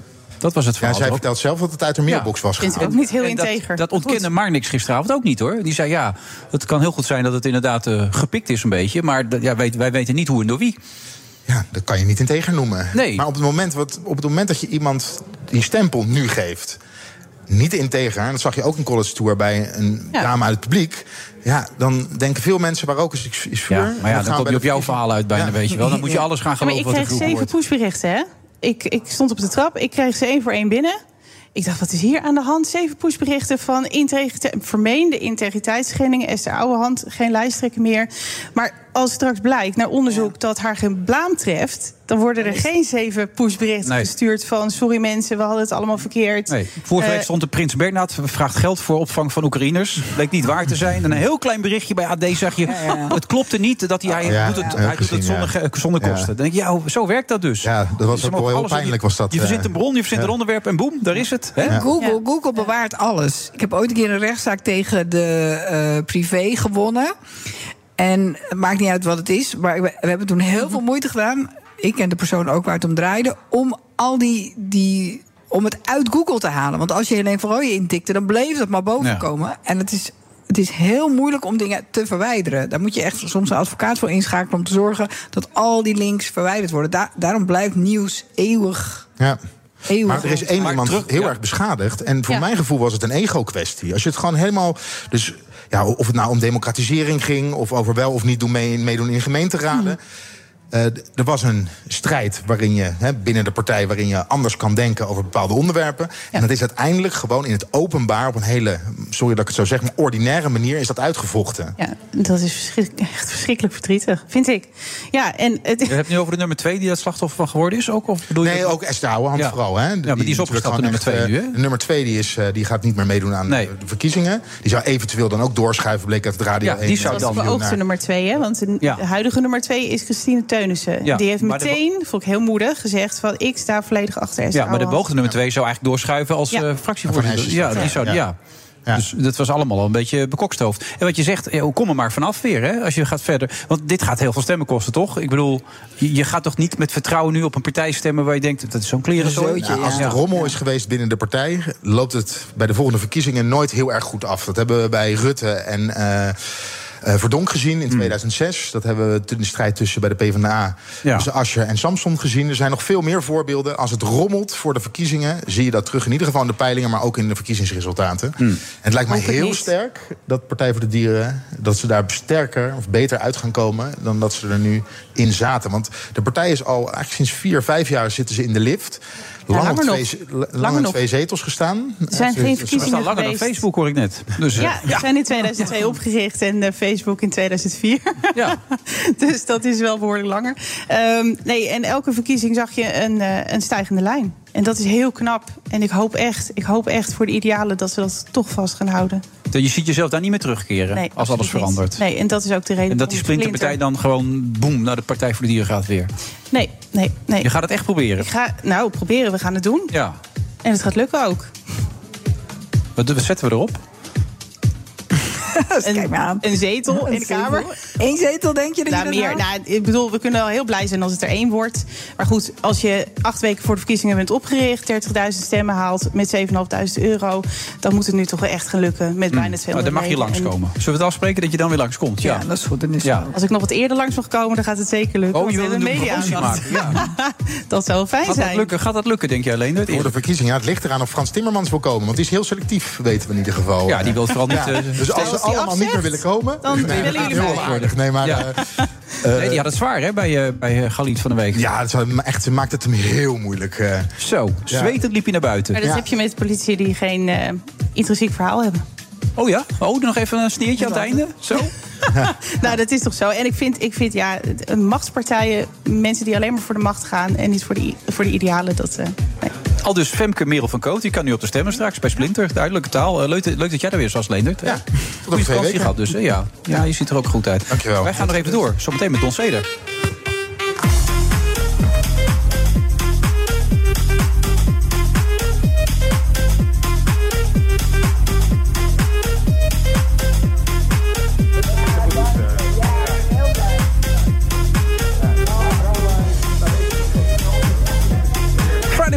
15 september.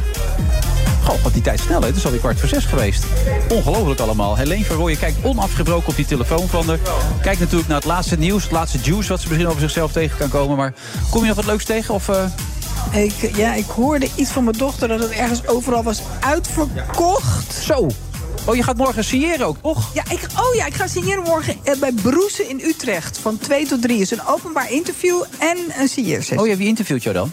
Eh, ik dacht Grietje Braaksman, maar dat weet ik niet helemaal Wat kan je, broer- je, kan, je, kan je zoon toch ook doen, die Sam? Ja, die kan het zeker. Die kan Waarom laat je die dat niet doen dan? Nou, dat had ook nog gekund, ja. Ja. Maar, zij, maar regelt dat zelf. Oh, oké. Maar ja, je hebt toch wel een bepaalde eisenlijst, mag ik aannemen? Nee hoor, ik heb geen, geen rider. Nee? Nee, had ik hier toch ook niet. Ik kwam toch gewoon. Zo is het inderdaad, ja. Gewoon gebleven, is heel belangrijk.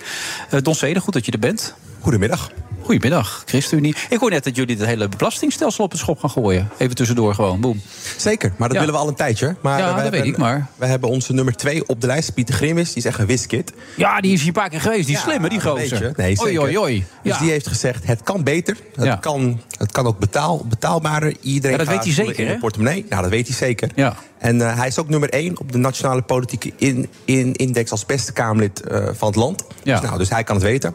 Dus wij hebben ons verkiezingsprogramma gisteren ge- eh, gepresenteerd. Ruimte voor meer gezinnen, eh, of meer ruimte voor ge- gezinnen. Dat je ook echt de ruimte krijgt hoe je eigen nou, leven, maar ook je gezin wil indelen. Ga je voelen in de portemonnee, in de positieve zin. Hmm. En, je, en we gaan het zo eh, doen dat de toeslagen afgeschaft worden. eh, en dat mensen eh, echt net wat meer over, over, overhouden voor elke euro Ja. die ze werken. Jullie willen dus niet meeregeren, begrijp ik. Nou, regeren is voor ons nooit een prioriteit geweest. Hmm. Wij worden gevraagd, dat wegen wij. Tot nu toe, nou, twee keer achter elkaar, eh waren er geen... Ja, uiteindelijk moest het wel, hè, want niemand wilde. Nou, we, ja. Je hebt het zelf gezien. We hebben zelf gezegd, joh, eh, Ja. liever niet. Eh, Nee, ik weet nog. toe. Jan had er later een klein beetje spijt van. Die was iets te kort door de bocht geweest. Nee, maar het laat wel zien dat wij, wij zijn geen machtspartij. Wij willen verantwoordelijkheid Zoals nemen. Frans Timmermans met PvdA GroenLinks dat wel is. Dus. Nou, dat weet ik niet. Moet je hun Nee, vragen. dat hoor ik net zeggen. Femke Merel. Oh, die zegt dat? Die zegt dat, ja. Wij Ja, Oké, zeggen, nou, ja. zal het zo zijn. Hè? Maar de ChristenUnie is geen machtspartij. We willen wel verantwoordelijkheid dragen. We hebben goede plannen. We zijn een christelijk-sociale part- part- partij. We vinden dat het systeem nu veel te veel kloof creëert... tussen jong en oud, arm en rijk, regio en stad. Zeggen dat kan beter. De overheid moet de ruimte creëren voor gemeenschappen. Maar die moet ook aanvullend zijn wanneer het moet... en de bestaanszekerheid Het garanderen. is dus de nieuwe generatie, hè? Helene, hoe kijk jij naar de nieuwe generatie? Don Zeder? Ja, ik... Ja, je hebt jou zo en voor. Ze heeft op Volt ben- 21 gestemd, bijvoorbeeld. Op Volt? Volt 21. Volt 21. Ik zei, ik ben een zwevende kies, kiezer. Ik ben, soms ga ik op het laatste moment kruis ik iets aan, omdat ik het gewoon niet meer weet. Ja, dan komt er Volt 21 uit. Ja. Nou, wij hebben een verkiezingsprogramma. heb ik ze allebei wel aangekruist. Ja, dat zou ook nog kunnen. 21 en Ja, vol. ongeldige Is niet ongeldig, geldig, Ja, dat ook Ja, nog. dat is niet Ja, dat weet ik. We hebben gisteren een verkiezingsprogramma gelanceerd. 130 pagina's, het dikste van allemaal. Maar echt zitten plannen waar je jarenlang eh, plezier van hebt. Dus ik zou, ik zou willen uitnodigen. Lees het. En, eh, Zeker. Ik, ga, nou, nee, dat ik doe wel altijd meevallen. stemwijzer en dat soort dingen. Ja. Dat, ja. Ik zeg heel eerlijk, Don, we hadden eerst iemand anders gevraagd over dit onderwerp. Maar die is Oh. teruggefloten door haar mentor. Die zei, ja, ze is er nog niet klaar voor. Ik weet niet of jij door iemand teruggefloten bent, maar... Nog ja- niet? Even Nee? op de app kijken. Maar Ja, nee. niet, nee. Maar ehm, dat gaat natuurlijk over Kim Jong-un, waar je voor gekomen bent. Ehm, eh, Hoe kijk je naar deze ontwikkeling? Ik bedoel, ik neem aan dat een kat in het nauw rare sprongen maakt... zoals Poetin het nu doet. Dat hij zelf zo iemand laat overkomen. Maar hoe serieus moeten we dit nemen? Nou, het is wel zorgwekkend. En je merkt dat op meerdere con- continenten, eh, van Amerika tot Azië, die kijken van hé, hey, wat gaat hier nu precies gebeuren? Kim Jong-un die is al voor mij een paar dagen al in um, Rusland. En eh, de verwachting is dat zij spreken om technologie, satellietinformatie, maar ook eh, wapendeals te sluiten. Noord-Koreanen moeten wapens komen brengen. Dat mag niet. Dat is verboden. Nou, het is niet alleen verboden. Het is Ja, gewoon hartstikke slecht ja. voor de Europese veiligheid, maar ook voor de Aziatische veiligheid. Dus je ziet dat alle landen, ook in Azië, Zuid-Korea, Japan, die kijken: hé, hey, maar wat gebeurt daar nou? Ja, ik zelf ook denk ook: hé, hey, maar wat gaat die hier, hier nu uitkomen? Poetin heeft geen vrienden meer in eh, eh, Nee, Europa. Dus merkt nee. dat hij het meer op andere continenten zoekt. Ja, maar als je uitkomt bij Kim Jong-un, zeg, hé Don, dan is het toch niet... Hè? Ik bedoel, laat mij zien wie jouw vrienden zijn. En dan weet ik hoe jij in elkaar steekt, zou ik dan zeggen. Nou ja, dus het is een slechte zaak, vind ik, al vind ik al, absoluut. Maar pas wel in het patroon van Poetin... die zich steeds meer vervreemdt van nou, het, het eh, Westen... en toch ook op andere plekken vrienden probeert te zoeken. Ja. En, eh, maar bij de Chinezen is het er ook niet helemaal gelukt op die nou, manier. daar merk je ook dat die, Ja, dat die trekken toch, zich een beetje eh, terug. terugtrekken. Dat Dus- is weer goed nieuws. Dat is weer Ja. leuk voor eh, Donatello. Die Donatello, kan die dat kan brengen als goed beginnen. Ja. nieuws. Ja. maar die Chinezen Nou ja. denken op een gegeven moment ook... direct raken we dat Westen helemaal kwijt enzovoort. En die... Ja, dus, dus, dus het is een beetje zoeken. Ik ben benieuwd wat er uitkomt. Ik hoop niet. Want ehm, ik denk dat als, zij, als bijvoorbeeld Rusland tech- technologie gaat uitwisselen met Noord-Korea...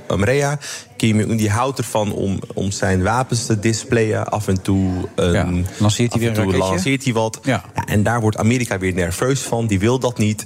Dus het, het zet een kettingreactie in werking. Dat moet je niet willen. Je wil vrede, je wil rust, je wil stabiliteit. Ja, en, en Maar even voor mijn plaatje, wat, wat kunnen die Noord-Koreanen voor wapens leveren? Waar denken we dan aan? Bommen en granaten, wat, wat, wat leveren die dan? Nou, zij beweren een kernmacht te zijn. Hè? Zij beweren dat zij niet alleen tech- de technologie, maar ook de grondstoffen hebben om gewoon ja, om, om flink, om flink wat schade aan te richten. Ik, ik denk eerlijk gezegd dat Poetin niet zoveel nodig heeft van Kim Jong-un, maar de aanwezigheid en de samenwerking en het beeld wat het uitstraalt, ja, doet al. Doet doet al zijn werk, zou ik zo zeggen. Aan de andere kant, als bijvoorbeeld Rusland technologie verstrekt om wapens bijvoorbeeld veel verder te kunnen, te kunnen laten lanceren. dat is niet, eh, Dat voor Amerika, maar ook de Aziatische landen. Ja. Dat is gewoon verschrikkelijk. Dus ik hoop dat er niet, niets uitkomt. Maar is de paniek zo groot dat hij dat zou kunnen doen, denk je, bij Poetin? Dat hij het Ja, je zo nodig niet. heeft? Nou ja, er zijn ook zorgen dat, dat, dat deze oorlog ook gewoon. dat eh, Poetin ook opeens tot kernwapens eh, komt. Hè. Ik bedoel, ik zeg niet dat dat gaat gebeuren. Maar Nee, mag kopen. Het wordt niet uitgesloten door sommige mensen. Ja. Dus Maar ik zag dat ze als geschenken over en weer gingen ze ook geweren uit. de wapens uitgewisseld, ja. dat Ja, vond ik ook best wel veel zeggen. dat zet wel de toon, denk ik. Dat zet wel de toon. Het was niet stroopwafels of... eh, Maar lekker Wie Duk had het erover dat er misschien zelfs een mogelijkheid was... dat er troepen uit Noord-Korea mee zouden gaan vechten daar in Oekraïne? Dat heb ik niet begrepen. Nee, Dus- toch? Nee, dat hoop ik niet. Maar volgens mij is de conclusie bij ons aan tafel was in het andere programma... wat altijd genuanceerd en inhoudelijk is... dat het ook zou kunnen zijn dat die Koreanen meteen doorlopen naar het westen. Die denken, ja, nu kunnen we er van tussen. Hè? Eh, sorry, Vietnamees natuurlijk. Hè? Maar die, die rennen dan gewoon door, door natuurlijk allemaal. Dan toch? Vanuit, eh, Noord-Koreanen, sorry. Ja, vanuit ook- vanuit Noord-Korea. ja, dus die komen, die komen in Rusland aan en die rennen meteen door. van het front. Die rennen zo door dat westen. Denken, nu zijn we vrij. Nu kunnen we eigenlijk weg. Ja. Ja, ook dat is Oh, zo. op Ja. die manier. Ja. Als Trojaans paard. Ja, dat, eh, dat ze denken, zijn we gelijk klaar. Ja, eh, wat- dan heb je weer een migratieverhaal. Hè? En wat, Ja, krijgen, de, krijg je Noord- dat en wat weer. krijgen de Noord-Koreanen er nou voor terug eigenlijk? Nou, laatst die techniek, hè? Krijgen die ook eten en zo, begreep ik? Of is dat niet waar? Nou, dat weet ik niet. Ik bedoel, Nee? je hoort allemaal dingen voorbij komen. Ik denk wat zij nu in ieder geval krijgen... is dat feit dat wij erover praten... dat maakt Noord-Korea groot, groter dan wat ze waren. En ik denk dat ze daar, ze daar ze nu al serieuzer, ja. hartstikke blij. Ja, het is een serieuze partij. Er wordt mee gesproken. Er wordt mee gedeeld. Dus ik denk dat dat al winst is. Wat, wat, eh, ik denk bij voorbaat, ook al komt er niets uit... dat dit al een geslaagde trip in de ogen van Kim Jong-un is. Wij zijn gewoon volwassen mensen die over alleen maar gekken zitten te praten eigenlijk. hè? Want Ja, kijk nou eens Dat, naar... dat is wat ze willen. Ja, eh, Amerika. succes, het is En hij gelukt. snapt het gewoon. is Hij gelukt. snapt het wel goed. Ja. Daar in Amerika een demente man, die Poetin die de weg kwijt is. eh, Je ziet eh, in, in, in, in, in die, al die senatoren enzovoort, ze vallen bijna allemaal om. En daar moeten we serieus het over hebben- praten. Straks gaan we het hebben over Elon Musk. Nog een gek. Ja. Ja. die wel bepalend zijn, toch? Nee, zeker. En daarom eh, zeggen wij als ChristenUnie... je moet niet naar mensen, naar individuen, naar gemeenschappen kijken. Dan hou je elkaar ook een beetje in eh, balans. Ja, dan toch nog even terug naar de ChristenUnie. Je staat op plaats 3. Gefeliciteerd daarmee. Wat Ja, cool. dank, dankjewel. Ja, dank, dat is mooi. Dus Ja. eh, je kan mogelijk stemmen. Ik kan Moet op je jou niet op stemmen. twee- niet, Kijk, niet op ik heb twee jou in de ogen gekeken. Daarom, daarom. Persoonlijke touch. Altijd Ja. goed. En we wilden misschien bij ons, en daar hebben nog niet zeker of we dat gaan doen, bij VI van, de- van vandaag in Site, alle nummers drie uitnodigen. Dat is misschien ook wel een keer Dat leuk. is ook leuk, ja. Grappig dat jij nu Ja, op drie staat. Dat kwam eigenlijk omdat op drie bij de BBB die staat, waar Johan helemaal gek van is. En dan nodig gewoon alle nummers drie uit. Geef vast een stemadvies aan mij, wie weet. Ja. Het heeft wel eerder eerder, eerder gedaan, dus eh, wie weet. Ja, maar even voor jezelf, eh, qua gevoel, wat, wat, wat, waar staat nu op dit met jullie partij? Als je, Ik denk dat we in een goede flow zitten. We hebben een lijsttrekker die echt, die echt goed is. Ik zou zeggen, Ja, je zou gek zijn als ze slecht zou zijn. Dat zou je hier ook maar- niet zeggen ja, natuurlijk. Ja. Nee, maar je hebt goede en je hebt hele goede. hebben wij er Nee, je hebt goede van. en je hebt Maar dat doen ze bij de Partij voor de Dieren. Sorry, dat is een andere partij. Dat zijn jullie niet. Dat doen ze bij de, de ChristenUnie niet natuurlijk. Die is dus heel goed, Mirjam Bikker. Nee, die is echt heel goed. We hebben een verkiezingsprogramma. Die, die is niet alleen dikker, maar ook volgens andere mensen ook beter dan welke partij dan Maar ook. dikker is geen garantie Nee, dat het goed nee, is, Dat zeg ik. Maar daarom Ja. zeg ik ook beter. Ja. Dus dik en beter. Nou, en ik denk dat we alleen nog de komende maanden nog gaan zien wat wij gaan doen. We hebben mooie plannen. We moeten kijken wat de andere partij gaat doen. Wij hebben een eigen verhaal. We gaan ervoor. Wij bouwen voort op eh, 2000 jaar oude tradities en bronnen. Maar volgens mij eh, denk ik dat wij echt wel. Je hebt het over de Bijbel opeens. Nou, de Bijbel, maar Ik ook weet niet of ik tradities, christen... Ik als je dat christen er nou afhaalt, dan, dan... Ik ben niet zo christelijk. Nee, hè? Nee, dan draagt je ook een beetje nee, zo bij dat- gehoor ik uit ben- bij jou, ik hè? Ik word ook wel eens de antichrist genoemd. Bij dus de ChristenUnie geloven we in hoop en genade voor iedere persoon. Dus er is- Iedereen wordt vergeven? Ja, worden ze vergeven? Oh, nee. Heb je de boeken wel eens gelezen? De boeken? Zou er even goed over nadenken dan? Wat je nu allemaal ik op nummer 4 van de lijst. Eh, staatssecretaris of minister dan gelijk? Op jouw leeftijd een beetje doorpakken, vind ik. Nou, ik hou niet zo van het bestuurlijke. Ik hou van controleren. Ik hou van eh, de scherpte. Ik hou van de waarheid uitzoeken. Dus ik, misschien een stoere uitspraak nu, maar ik hou, ik hou echt van om Kamerlid te zijn. En dat meen Ja, ik. maar als je gevraagd wordt, zeg je gewoon ja. Nou, Ja, ik hoor het al. Hey, ik hoor het al. Ja, ja. we gaan het gesprek onthouden. Ja, nee, dat doen we straks na die verkiezingen. Gaan we even doorpraten. Goed dat je er was. Heel dankjewel. Ja, en tot de volgende keer. Dank, hoi. De Friday Ook Hugo Reitsma vind je in de BNR-app. Superhandig die BNR-app. Je kunt alle programma's live luisteren, breaking nieuwsmeldingen. Je blijft op de hoogte van het laatste zakelijke nieuws. En je vindt er alle BNR-podcasts, waaronder natuurlijk de belangrijkste, Boeken zijn in de wijk. Download nu de gratis BNR-app en blijf scherp. De Friday Move wordt mede mogelijk gemaakt door Otto Workforce en TUI. Live happy. BNR Nieuwsradio. The Friday Move. Our ambition is crystal clear. Nou, ik heb eh, flink zitten meepennen. Eh, Het begon goed. Het probleem is echt die hoge inflatie. Tonight we call on three units to stand up and go on strike at midnight. Wilfred Genee. Laatste half uur alweer, daar gaan we.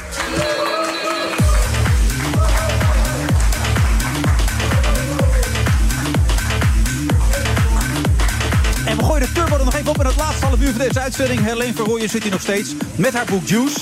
Yes. Wil je er nog iets over kwijt of zeg ik, ik heb er echt alles over gezegd? Nou, ja, ik, nee, ik heb al heel veel over gezegd. Maar inderdaad, dat ik morgen ga signeren bij Broes in Utrecht tussen 2 en 3. dat iedereen het moet lezen. Vooral ouders met kinderen. Nou ja, gewoon iedereen. Iedereen. Dus, steek je, Het mag ook iedereen lezen, hè? het, is, Ja. het houdt een spiegel voor. Het houdt je een spiegel voor van hoe we met elkaar omgaan. En het is grappig en er Ja. zit seks in. En je vindt dat we niet goed met elkaar omgaan, hè? Dat wordt steeds Nee, erger dat eigenlijk, dat is de conclusie. Wordt wel, wordt wel naar. Snap je dat, Ben? Wat, wat, wat, wat, wat Helene daarmee bedoelt? Ben van den Burg, daar Ja. is hij. Eh, snap ik dat? Ja, maar ik heb wel, want ik, eh, ik luister het eerste half uur van jullie... en ik vond wel heel erg van... er zijn natuurlijk ook heel veel mensen... die houden zich daar helemaal niet mee bezig. Nee, klopt. En jullie zitten wel in een richting te praten... inderdaad, weet je, van, eh, de, van die roddels en zo. Maar heel veel mensen zijn er echt niet mee bezig. Die zijn gewoon bezig met hun vak. Ja, die steken energie in waar je wel energie zou moeten Ja, steken. Zeker. Maar wat we ook zeiden, jonge mensen leven echt wel een heel groot deel online. Ja, dus maar daar ik ken ook- online wereld ook weer heel... Ik ken ook jonge mensen die leven online, maar die zijn online bezig met. Ja, met dingen die ze wel interessant met programmeren. Ja, weet je, die luisteren naar BNR Digitaal. Die luisteren BNR Digitaal. Ja, dus met Ben. Ja, dus, nee, maar, dus dat bestaat ook. Hè. Dus Dat je moet niet zeg maar, jullie niche te groot maken. Je moet het echt als een niche houden. Eigenlijk helemaal niet over hebben, want dat is eigenlijk allemaal onzin. Nou, zeg hele goede nu- conclusie eigenlijk. Wat? Ja, of niet. Of zeg je dit, is nu? een beetje, dit is een beetje wat Douwe Bob zei bij, eh, bij eh, Umberto Tan. Je die moet niet over niet gehoord. racisme praten, dan, dan bestaat het niet. Nee, Nou ja, nee, nee, niet. nee, nee, dat, nee, dat slaat. de- nu ga je echt een vergelijking maken die nergens op slaat. Nee, van rooien. Nee, pra- pra- pra- praten over racisme verdient een podium. Over deze onzin, dat verdient vaak geen podium, toch? Daar komt het Nee, een want dan is het- Ja, over, wat zijn over roddels? Online zijn haat, nee, maar online haat, daar moet je het toch wel over daar- hebben. Ja, maar niet over die roddels waar je het heet Nee, over hebt. maar Want wij jij noemen had- toch geen roddels? Nee, maar jij had eh Douwe Bob er weer bij. Denk ik, ja, is dat een autoriteit? Nee, ook niet. Nee, maar die, nou ja, eh, ik proefde een beetje uit je verhaal. Je moet het niet over juice-kanalen hebben, want dan bestaan ze niet. Maar Kijk, Wilfred zegt wel eens: alles wat je aandacht geeft, dat groeit. dat is waar. Nou, Ik, ja, wil, je moet even nu praten. Ja, nu ik zit een praten. frietje te eten. een frietje te eten. Ja, Nee, maar, maar dat, dat is de dan zeg je ook, dan moet je niet over racisme praten, want dan groeit het. Nee, maar dat verdient Dan- aandacht. dan dat moet je- verdient aandacht omdat het een serieus probleem is. En daar moet je juist veel over praten. Juist. Zeker als het gebeurt. Dan verdient het aandacht. Het gaat om de keuzes die je maakt. Wat, waar steek je energie in en waar steek je geen energie in? Ja. Dit ben ik nu weer helemaal mee eens. En jij niet? Nou, dat is toch fijn? Nee, ik ben, het, eh, ik ben het ermee eens dat je wel aandacht moet besteden aan online platforms, aan online levens, aan hoe we omgaan op het online met elkaar. Dat is interessant, maar Daar moeten we niet aan hebben. die roddels. Niet over roddels, maar Nee, maar wel dat over... is wel een symptoom van die online wereld. Ja, nou, oké. Maar moest je net met mijn vriendje. Ik denk, jullie gaan nog even door. Nee, ja, goed, ik, ik heb dit wel gehad. Die, Hmm. nee, je snapt, die platforms geven toch wel een soort voorbeeld van... oh, het is prima om te roddelen, het is prima om te haten op elkaar... het is prima om mensen bedoelt, tegen elkaar op te Hoe zetten. groot moet je dat maken en hoe groot is het? Ja. Dat is wat hij eigenlijk zegt. Hey, over groot gesproken, Elon Musk. Zo, die is groot. Zo. Nou, niet te geloven, hè. Hij kwam net binnen en hij wilde hem al allemaal verhalen gaan vertellen. Nee, nee, ik, bewaar- ik bewaar het, ik bewaar het, ik bewaar het. Nou, Ben. Ik heb zo genoten, jongens. Ja, Ik heb zo genoten. Biografie. Ja, maar waar, ja, maar waar wil je dat ik begin? Begin maar gewoon, dan kan ik eten. Oké, Ja. nou, ik wil- oké, laat ik eerst iets over, eh, over zijn jeugd. Dus dan eh, wordt hij op het schoolplein in- elkaar geslagen. Dan ligt hij een week in het ziekenhuis, komt hij thuis. Oh ja, en- was ja. Precies, en dan scheldt zijn vader hem helemaal verrot. Dat is één. Twee, dat wist ik niet. In de jaren tachtig waren er kampen van die, van, die, van die zomerkampen voor jongens. Dan kregen ze expres, in Zuid-Afrika, jaren tachtig, vorige eeuw... kregen ze expres weinig eten, want dan moesten de jongens vechten om te eten. Een soort Hunger Games. Hunger Games-achtig. Dus die gast is... Lekker hoor. Die gast is eh, alleen maar opgevoed van winnen of verliezen. Alles of niks. Nou, en dat zie je in zijn hele carrière terug. En ik ga even, je moet even straks ook vragen stellen. Maar even één verhaal, Wilfred, dat ik jou wilde vertellen. Want dat vond ik een leuk verhaal voor jou. Kijk, op een gegeven moment heeft hij... eh, hoeveel kinderen had hij toen inmiddels? Nou, een stuk of, Hij heeft er eh, nu tien bij drie verschillende vrouwen, ja. is het laatste nou. En het was zo. Kijk, zijn directeur van Neuralink... Neuralink, Neuralink is chips in je hoofd. Die, dat is een vrouw en die heeft geen kinderen. En die wilde uiteindelijk toch kinderen. Dus ze zeiden dus een donor, wie gaat er dan zeiden ze, ja, je moet mij als donor nemen, want ik ben slim. En dan krijg je tenminste slimme kinderen op aarde. En hij is heel erg bang dat de mensheid uitsterft, daar komen we zo op. Dus er moeten veel kinderen komen. Dus hij zegt, ik ben de donor. Dus die vrouw, die, die ligt te bevallen in het ziekenhuis, maar tegelijkertijd, zijn vriendin, half vriendin, half niet vriendin. Nee, Mhm. je weet het nooit. Je weet het nooit. Die wilde ook weer zwanger worden van de derde. Maar die wilde zelf niet zwanger worden. Die wilde een, die wilde een draagmoeder. Dus die draagmoeder heeft dus, is Elon Musk de donor. Maar die zwangerschap ging niet goed. Dus die vriendin die zit in het ziekenhuis met die draagmoeder te bevallen. Tegelijkertijd, vijf kamers verderop, zit dus die andere vrouw, die andere Ja. vrouw van een tweeling te bevallen. En dat wisten ze niet van elkaar. Hè? Dus daar komen ze later achter en hebben ze echt van... Gast, wat doe jij nou? Zo gaat hij dus ook met jonge, met baby's om. Met kinderen gaat hij zo om. Maar hoe krijg je dat voor elkaar? Ik bedoel, dat, ik bedoel, de man is razend bekend. Ik bedoel, over dat je niets meer kan doen, bij wijze van spreken. Ja. Dan, hij kan dat gewoon allemaal doen. hij kan het doen, ja. Dus hij was donor daarvan. Nou, dat soort voorbeelden. En dan, die kinderen krijgen allemaal rare namen. Maar hoe zijn die vrouwen erachter Ja, ja. Hoe zijn die vrouwen erachter gekomen uiteindelijk? Dat vraag je eerder. Uiteindelijk had hij het verteld dat. Ah. Nee, waarom? Want die vrouw wilde toch dat die kinderen van die, eh, van die directeur toch Musk zouden heten. Ah, ja, dat is een ja, aardige ja. naam. Ja. Ja, daar, er is nog even één bizar voorbeeld. En dan moeten jullie even vragen stellen. Op een gegeven moment sterft zijn eerste kind. Na elf... ehm, wat nou, da- nee, elf weken. Eh, Na elf weken. Maar hij was trots dat hij een eerste kind had. En hij heeft een slechte relatie met zijn vader. Slaan, zijn vader is een extremist. Zijn vader is helemaal, helemaal gestoord. Complottheorieën gelooft hij in. Dus hij dacht, nou, dat is leuk. Laat ik mijn vader met zijn nieuwe vrouw... laat ik naar Amerika komen. Op dat moment landt die vader uit Zuid-Afrika in Dallas... Dan sterft dus dat kindje. Dan laat hij dus Delta Airlines omroepen dat zijn vader terug moet naar Zuid-Afrika. Nee. Dat gaat hij dus niet zelf bellen. Nee, dat laat hij omroepen. Je moet terug. Maar die vader die denkt, hoezo? Dus die komt toch en dan zien ze elkaar.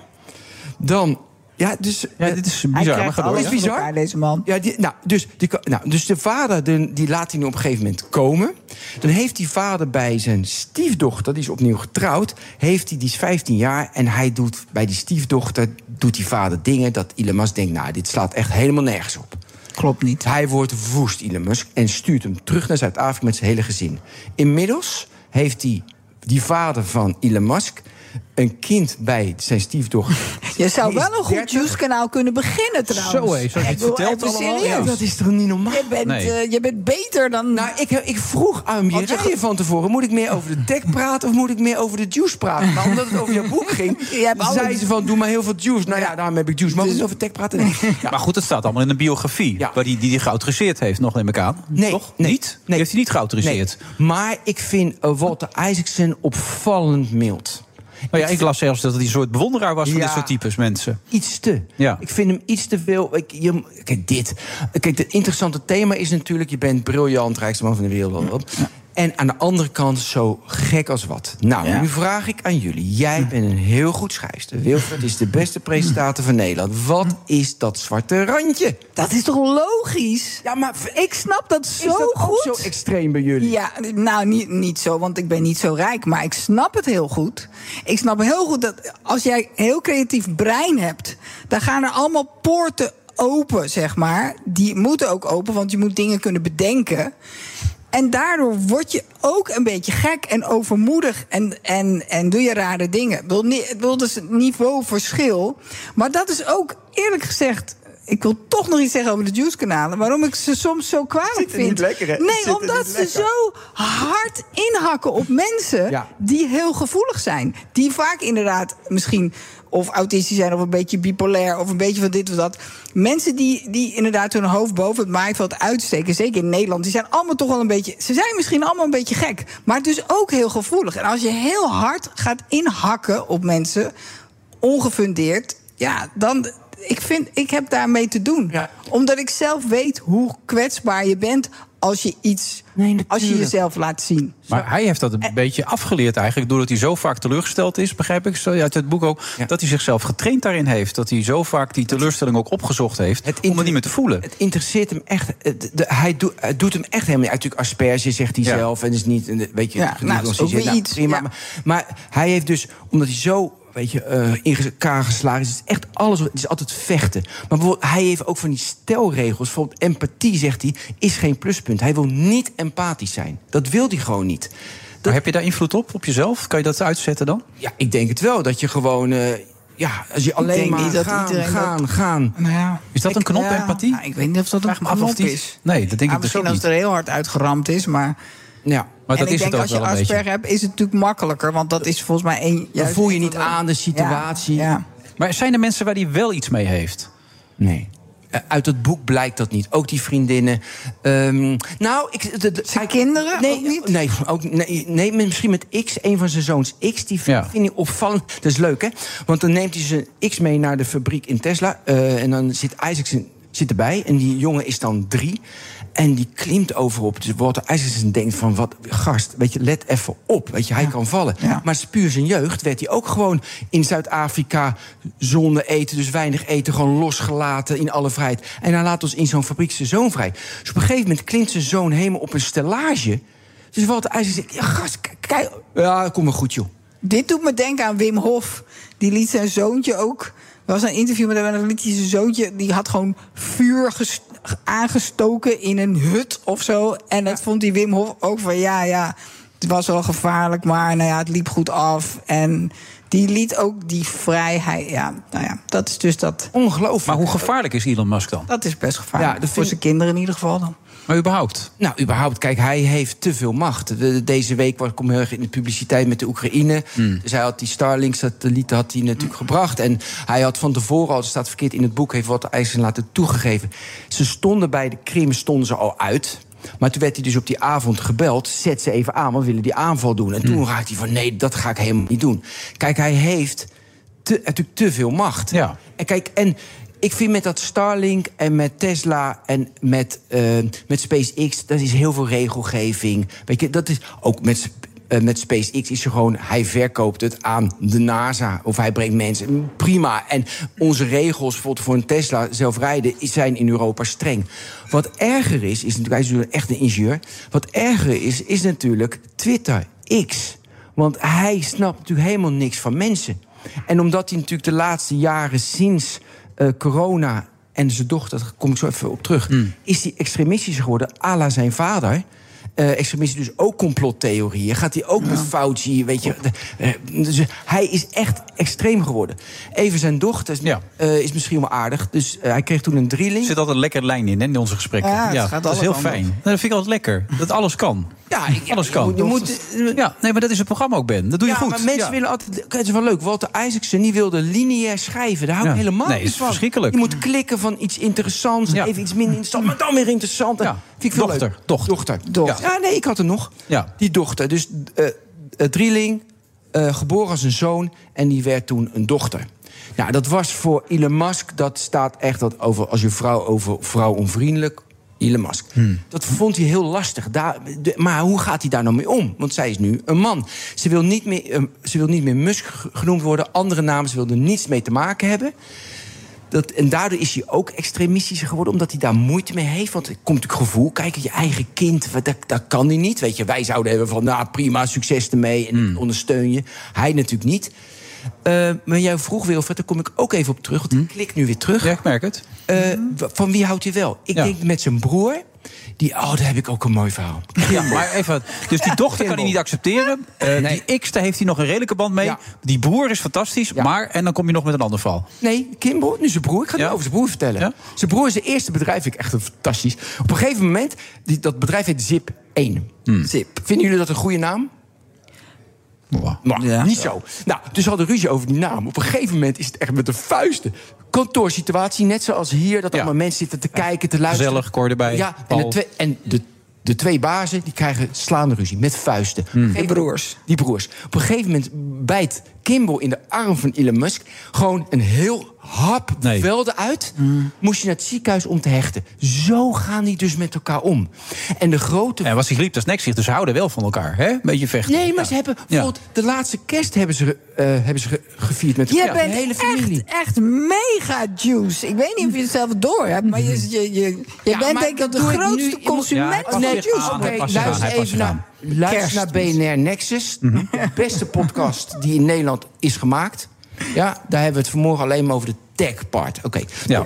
Eh, maar wat- wat- eh, ik was, nu moet je me even helpen. Ik was bij die broer. Kerst, die had- eh, kerstmis, ze vieren weer kerst samen. En toen werd met kerstmis altijd van, waar heb je spijt van? Dat doet de familie Ah, Musk. Waar heb je mooi, spijt van? mooi. Nou, Dat is mooi. nou Ja. waar heb jij spijt van afgelopen jaar? Echt sto je stom hebt gedaan? Nou, ik zit te veel op mijn telefoon.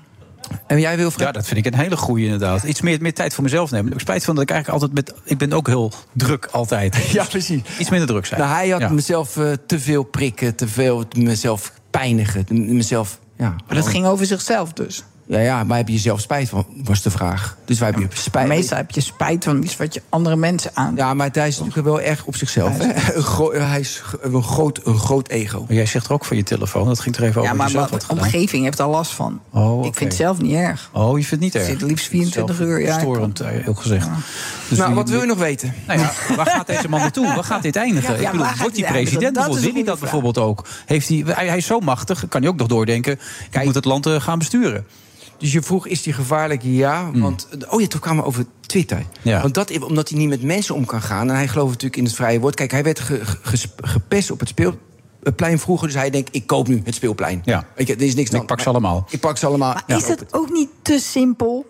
Zo van, oh ja, ik is het leven toch zo simpel? Ja, is het... is Ja, het- nee, hij, kijk, hij heeft twee... eh, t- eh, in een, in een, in een, Heeft hij niet gewoon een enorme honger naar macht? Nee. En heeft dat niet zoveel met Nee, het speeltuin te nee, maken? d- met dat is een te cliché. maken? Geld interesseert hem helemaal niks. Een macht, hij is echt... Hij, kijk, hij heeft... Hij is de Jij messias. zegt hij dat- moet de mensheid redden. Dat doet Ja, hij maar op dan is hij gewoon psychotisch. Nou, je- Dan jij denkt hij dat hij de nieuwe Jezus Jij kan is. alle diagnoses stellen die je wil. Dat vind ik hartstikke mooi. Maar ik heb nooit met hem gesproken. Dus ik lees zijn boek. Hij wil de mensheid redden. Dat doet hij op verschillende manieren. Doordat wij naar Mars kunnen. Want dan kunnen we nog redden op Mars. Nummer twee. eh, dat doet hij met Tesla. Want dan zorgt hij dat de elektriciteit. Dat we duurzaam gaan leven. En drie. De mensheid gaat ook aan eh, dat we onze democratie niet goed beschermen. Gaan we ten onder. Dus hij moet met Twitter moet hij een platform creëren. Dat we vrij kunnen, met elkaar kunnen praten. Dat zijn zijn middelen om de mensheid te redden. Want de mensheid is zo uniek. Dat moet blijven bestaan. Maar jij zei helemaal aan het begin van dit gesprek... daarom wil hij zoveel kinderen, want hij is bang dat de mensheid gaat verdwijnen. Ja. Op basis van? Waarvoor? Nou Waardoor? ja, eh, dat wij er een zo. eh, AI, dat, onderwerp hebben we helemaal nog niet, eh, hebben we nog helemaal niet behandeld. Hij is daar bang voor. Dus hij moet dat moet zuinig gebeuren. Even actueel. Hij was afgelopen. Hij was gisteren, eergisteren was hij in het congres. En eh, in Amerika. De, de, de, de, de, grote techleiders worden uitgenodigd. Ook Bill Gates was daar. Ook Sam Altman was daar. En dan vraagt het congres: wat moeten ze doen? Iedereen zei: ja, ik wil gereguleerd worden. En dat was wel leuk. Toen zei Elon Musk, dat vind ik ook raar. Hij zegt: ja, we moeten een scheidsrechter krijgen. Maar gasten, scheidsrechter, we hebben niet eens de spelregels rond kunstmatige intelligentie bepaald. Dus die vergelijking klopt dan niet. Dus hij. Dat is dan weer niet zo slim. Nou, dan denk ja, jij, Elon, vond ik dat- had meer van je verwacht. Ja, ik vond dat een beetje jammer, een scheidsrechter. Maar hij is dus wel bang dat wij er met z'n allen aangaan. Dat is Ja, zijn, dat is ja, zijn ja, gevoel. ja. Vandaar ook Mars natuurlijk, waar we Nou, naartoe Mars, kunnen. Ja. Kijk, en dat is het Maar waarom vind je hem dan gevaarlijk? Want op zich die drie uitgangspunten Goeie, ja, sorry, zijn op zich Ik moet dat aan het eind nog gek. Nee, dat is goed. Ik moet dat nog even uitleggen. Kijk, omdat hij niet met mensen om kan gaan.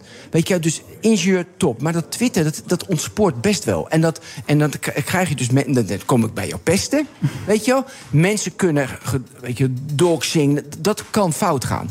Nou, gelukkig hebben we Europese wetten. Die moeten gehandhaafd worden. Weet je, Digital Service Act. Dus in Europa gaat het goed.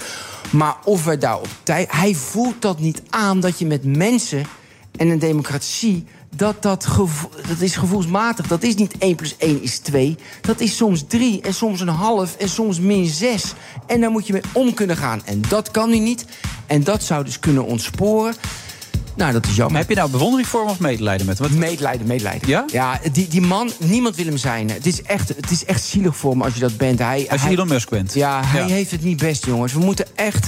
We moeten hem omarmen, maar Ja. dat wil hij niet. Hij wil niet nee, dat omarmd wil hij, dat kan hij niet. Dus ik, ik ben bang dat hij zichzelf zo gek maakt... dat hij inderdaad wel in een psychiatrische inrichting wordt beland. Zo gek maakt zichzelf. Blijkt, als ik het lees, dat boek. Het Ja, en dat hij goed- roept, ik ben Elon Musk, Elon Musk... en dat iedereen begint te lachen dan, weet je wel. Ja, dat, ze denken, dat kan niet waar zijn. Ja.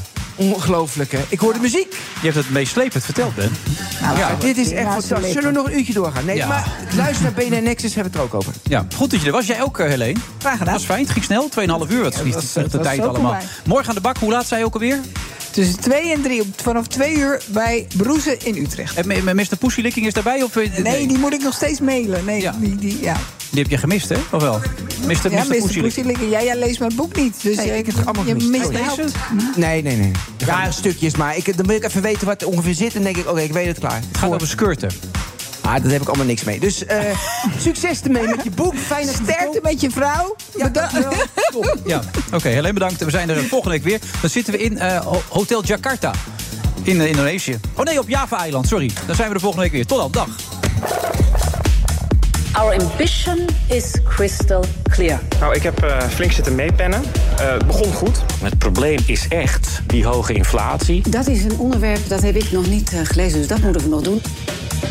Ik denk dat het wel verstandig is. De inflatie is toch nog altijd eh, veel, veel te hoog. 연휴가 끝난 후 정리하는 김정은 동지께서는 putin 대통령이 편리한 시기에 Wat ze hiermee eigenlijk zeggen is dat het eh, voorlopig wel even klaar is met eh, renteverhogingen. Wat gaan we doen? Gaan we een kwartje omhoog of niet?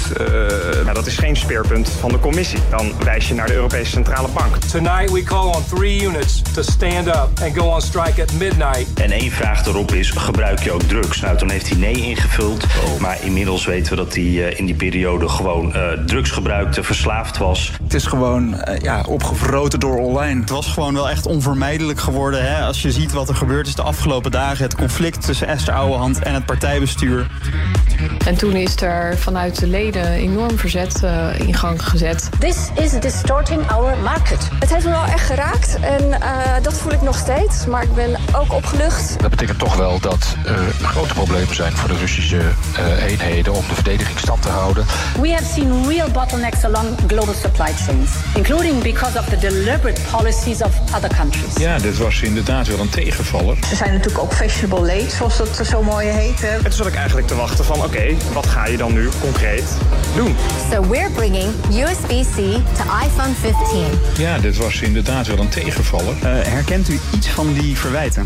Nee, De Friday Move wordt mede mogelijk gemaakt door TUI en Otto Workforce. Our people make the difference. Ook Diana Matroos vind je in de BNR-app. Ja, inderdaad. Je kunt live naar mij luisteren tijdens de Big Five. Ook handig in de BNR-app. Breaking nieuwsmeldingen, maar ook het allerlaatste zakelijke nieuws.